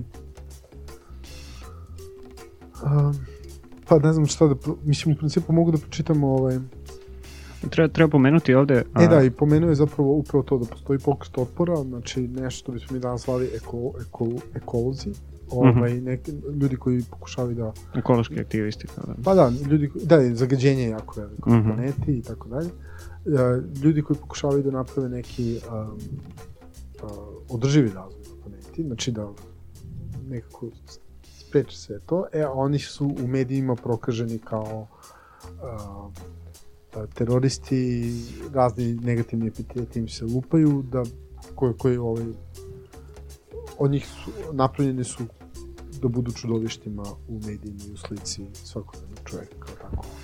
E, pre nego što pročitaš uh, odlomak, treba pomenuti da postoji nastavak. Da, da, pa pomenuo sam, znači Fredrik Paul je napisao 80-ih naslov koji se zove Rat I to simbolične 84. godine. Da, da, da. A, Space Merchants War na engleskom. a ono što je još interesantno je da Frederick Paul živao dosta dugo, 93 godine, da, pa, sa da, 90. pa skoro je godine umro. umro, a, 2013. godine. 2011. godine, evo sad, sad gledam na, na netu, a, je revidirao originalni, or, originalni ro, roman i dodao je materijal a, koji se tiče a, modernijih referenci. Da, ali Ovaj, to, tako to, da to, treba- to su modernije reference na... u, Pardon. Da, to su modernije reference na, na a, moderne kompanije. Sad to meni Mhm. zapravo... Ja, ja volim u ovom izvornom obliku zato što upravo nije potrebno da revidirate. Dovoljno je samo Pa pročitati. nije, u svakom slučaju meni, meni je interesantno da, da, da, da pročitati i jednu i drugu, pa onda, pa onda videti koja koja je razlika uporediti. Mislim, interesantno je uh, videti iz, sa stanovišta čoveka koji je zapravo 50. godina imao neku sliku o razvoju uh, društva u budućnosti uh, i koju je tu sliku pretočio u, u knjigu. Interesantno mi je videti kako je taj isti čovek 50 Da. godina nakon toga zapravo doživeo to što, o, če, o čemu je pričao u toj knjizi i na koji je način on obradio tu informaciju i izdao novo izdanje. to je Inače, isto. još jedna stvari, privatno obezbeđenje i privatne ove vojske su Aha. isto ovaj, od, koje se kontrolišu te velike korporacije, odnosno firme. Um, mogu pročitati dve stvari. Ovaj, jedna je Može. um, uh, Kentaurova najava na, na zadnjoj knjizi. Može. Ovaj, ona je relativno kratka, pa mi je interesantna. I pročitat ću jedan odlomak koji se tiče filozofije. Znači, evo, ovo Ajmo je najava, ovo je najava pozadnje. Kaže, ovako, u bliskoj buduć, budućnosti komercijalizovanom, prenaseljenom i totalitarnom Amerikom vladaju reklamne kompanije, izvršna vlast, nad masom obespravljenih, obespravljenog stanovništva, odnosno potrošača. Umetnost prošlosti je mrtva, etika je promenjena, zamenjuje reklama iz osnova, a pravosuđe dejstuje pod parolom bolje pobiti hiljadu nevinih nego da jedan krivac umakne. Pored ovakvog sistema bori se ilegalni pokret otpora, konzervacionisti, odnosno kozi, kako smo ih mi nazvali, kogod je razmišljao moći i uticaju reklame, čitaće ovu izvarednu satiru s interesovanjem i u uzbuđenju. Eto sad ovaj, izdavači uh, i na osnovu ovoga i na osnovu ove priče i na osnovu sad odlomka koji sledi uh, izdajte ponovo, obnovite ovo izdanje i izdajte i ovo novo izdanje iz 2011. godine. A Nemanja će sad da pročita odlomak iz same knjige.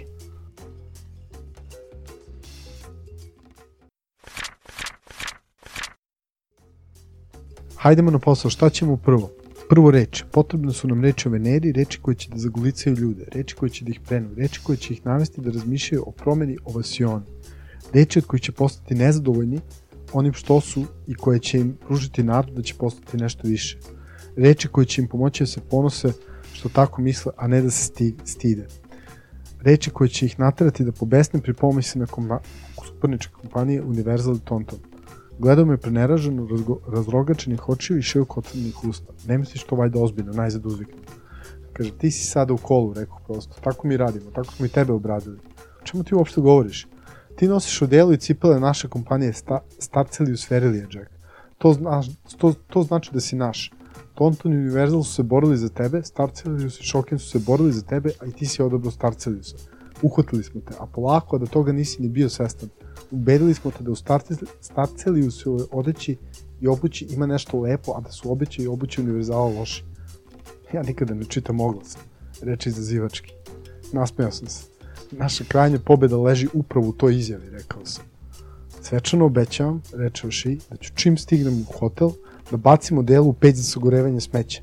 Kofere takođe, pitao sam. Kofere Starceliusove proizvodnje.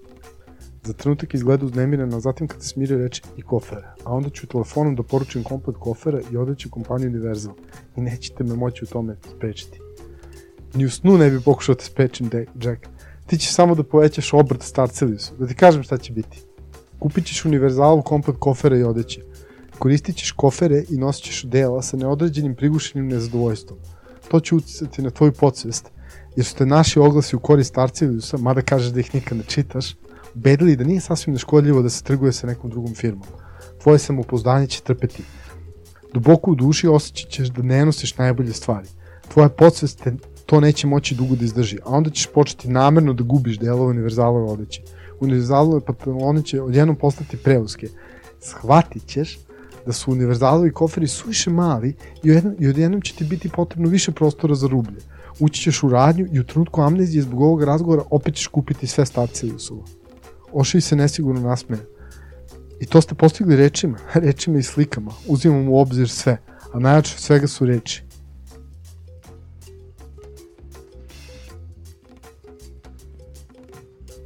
Interesantan odlomak. Čisto sam jednu stvar da pomenem. Ovo je bilo, on je ovo napisao pre vremena kada je bilo, a, a, kada je postojalo brendiranje odeće. Brandiranje odeće. Znači pre Mhm. vremena kada smo nosili Nike znak na odeći. Levi Strauss, farmerice i to.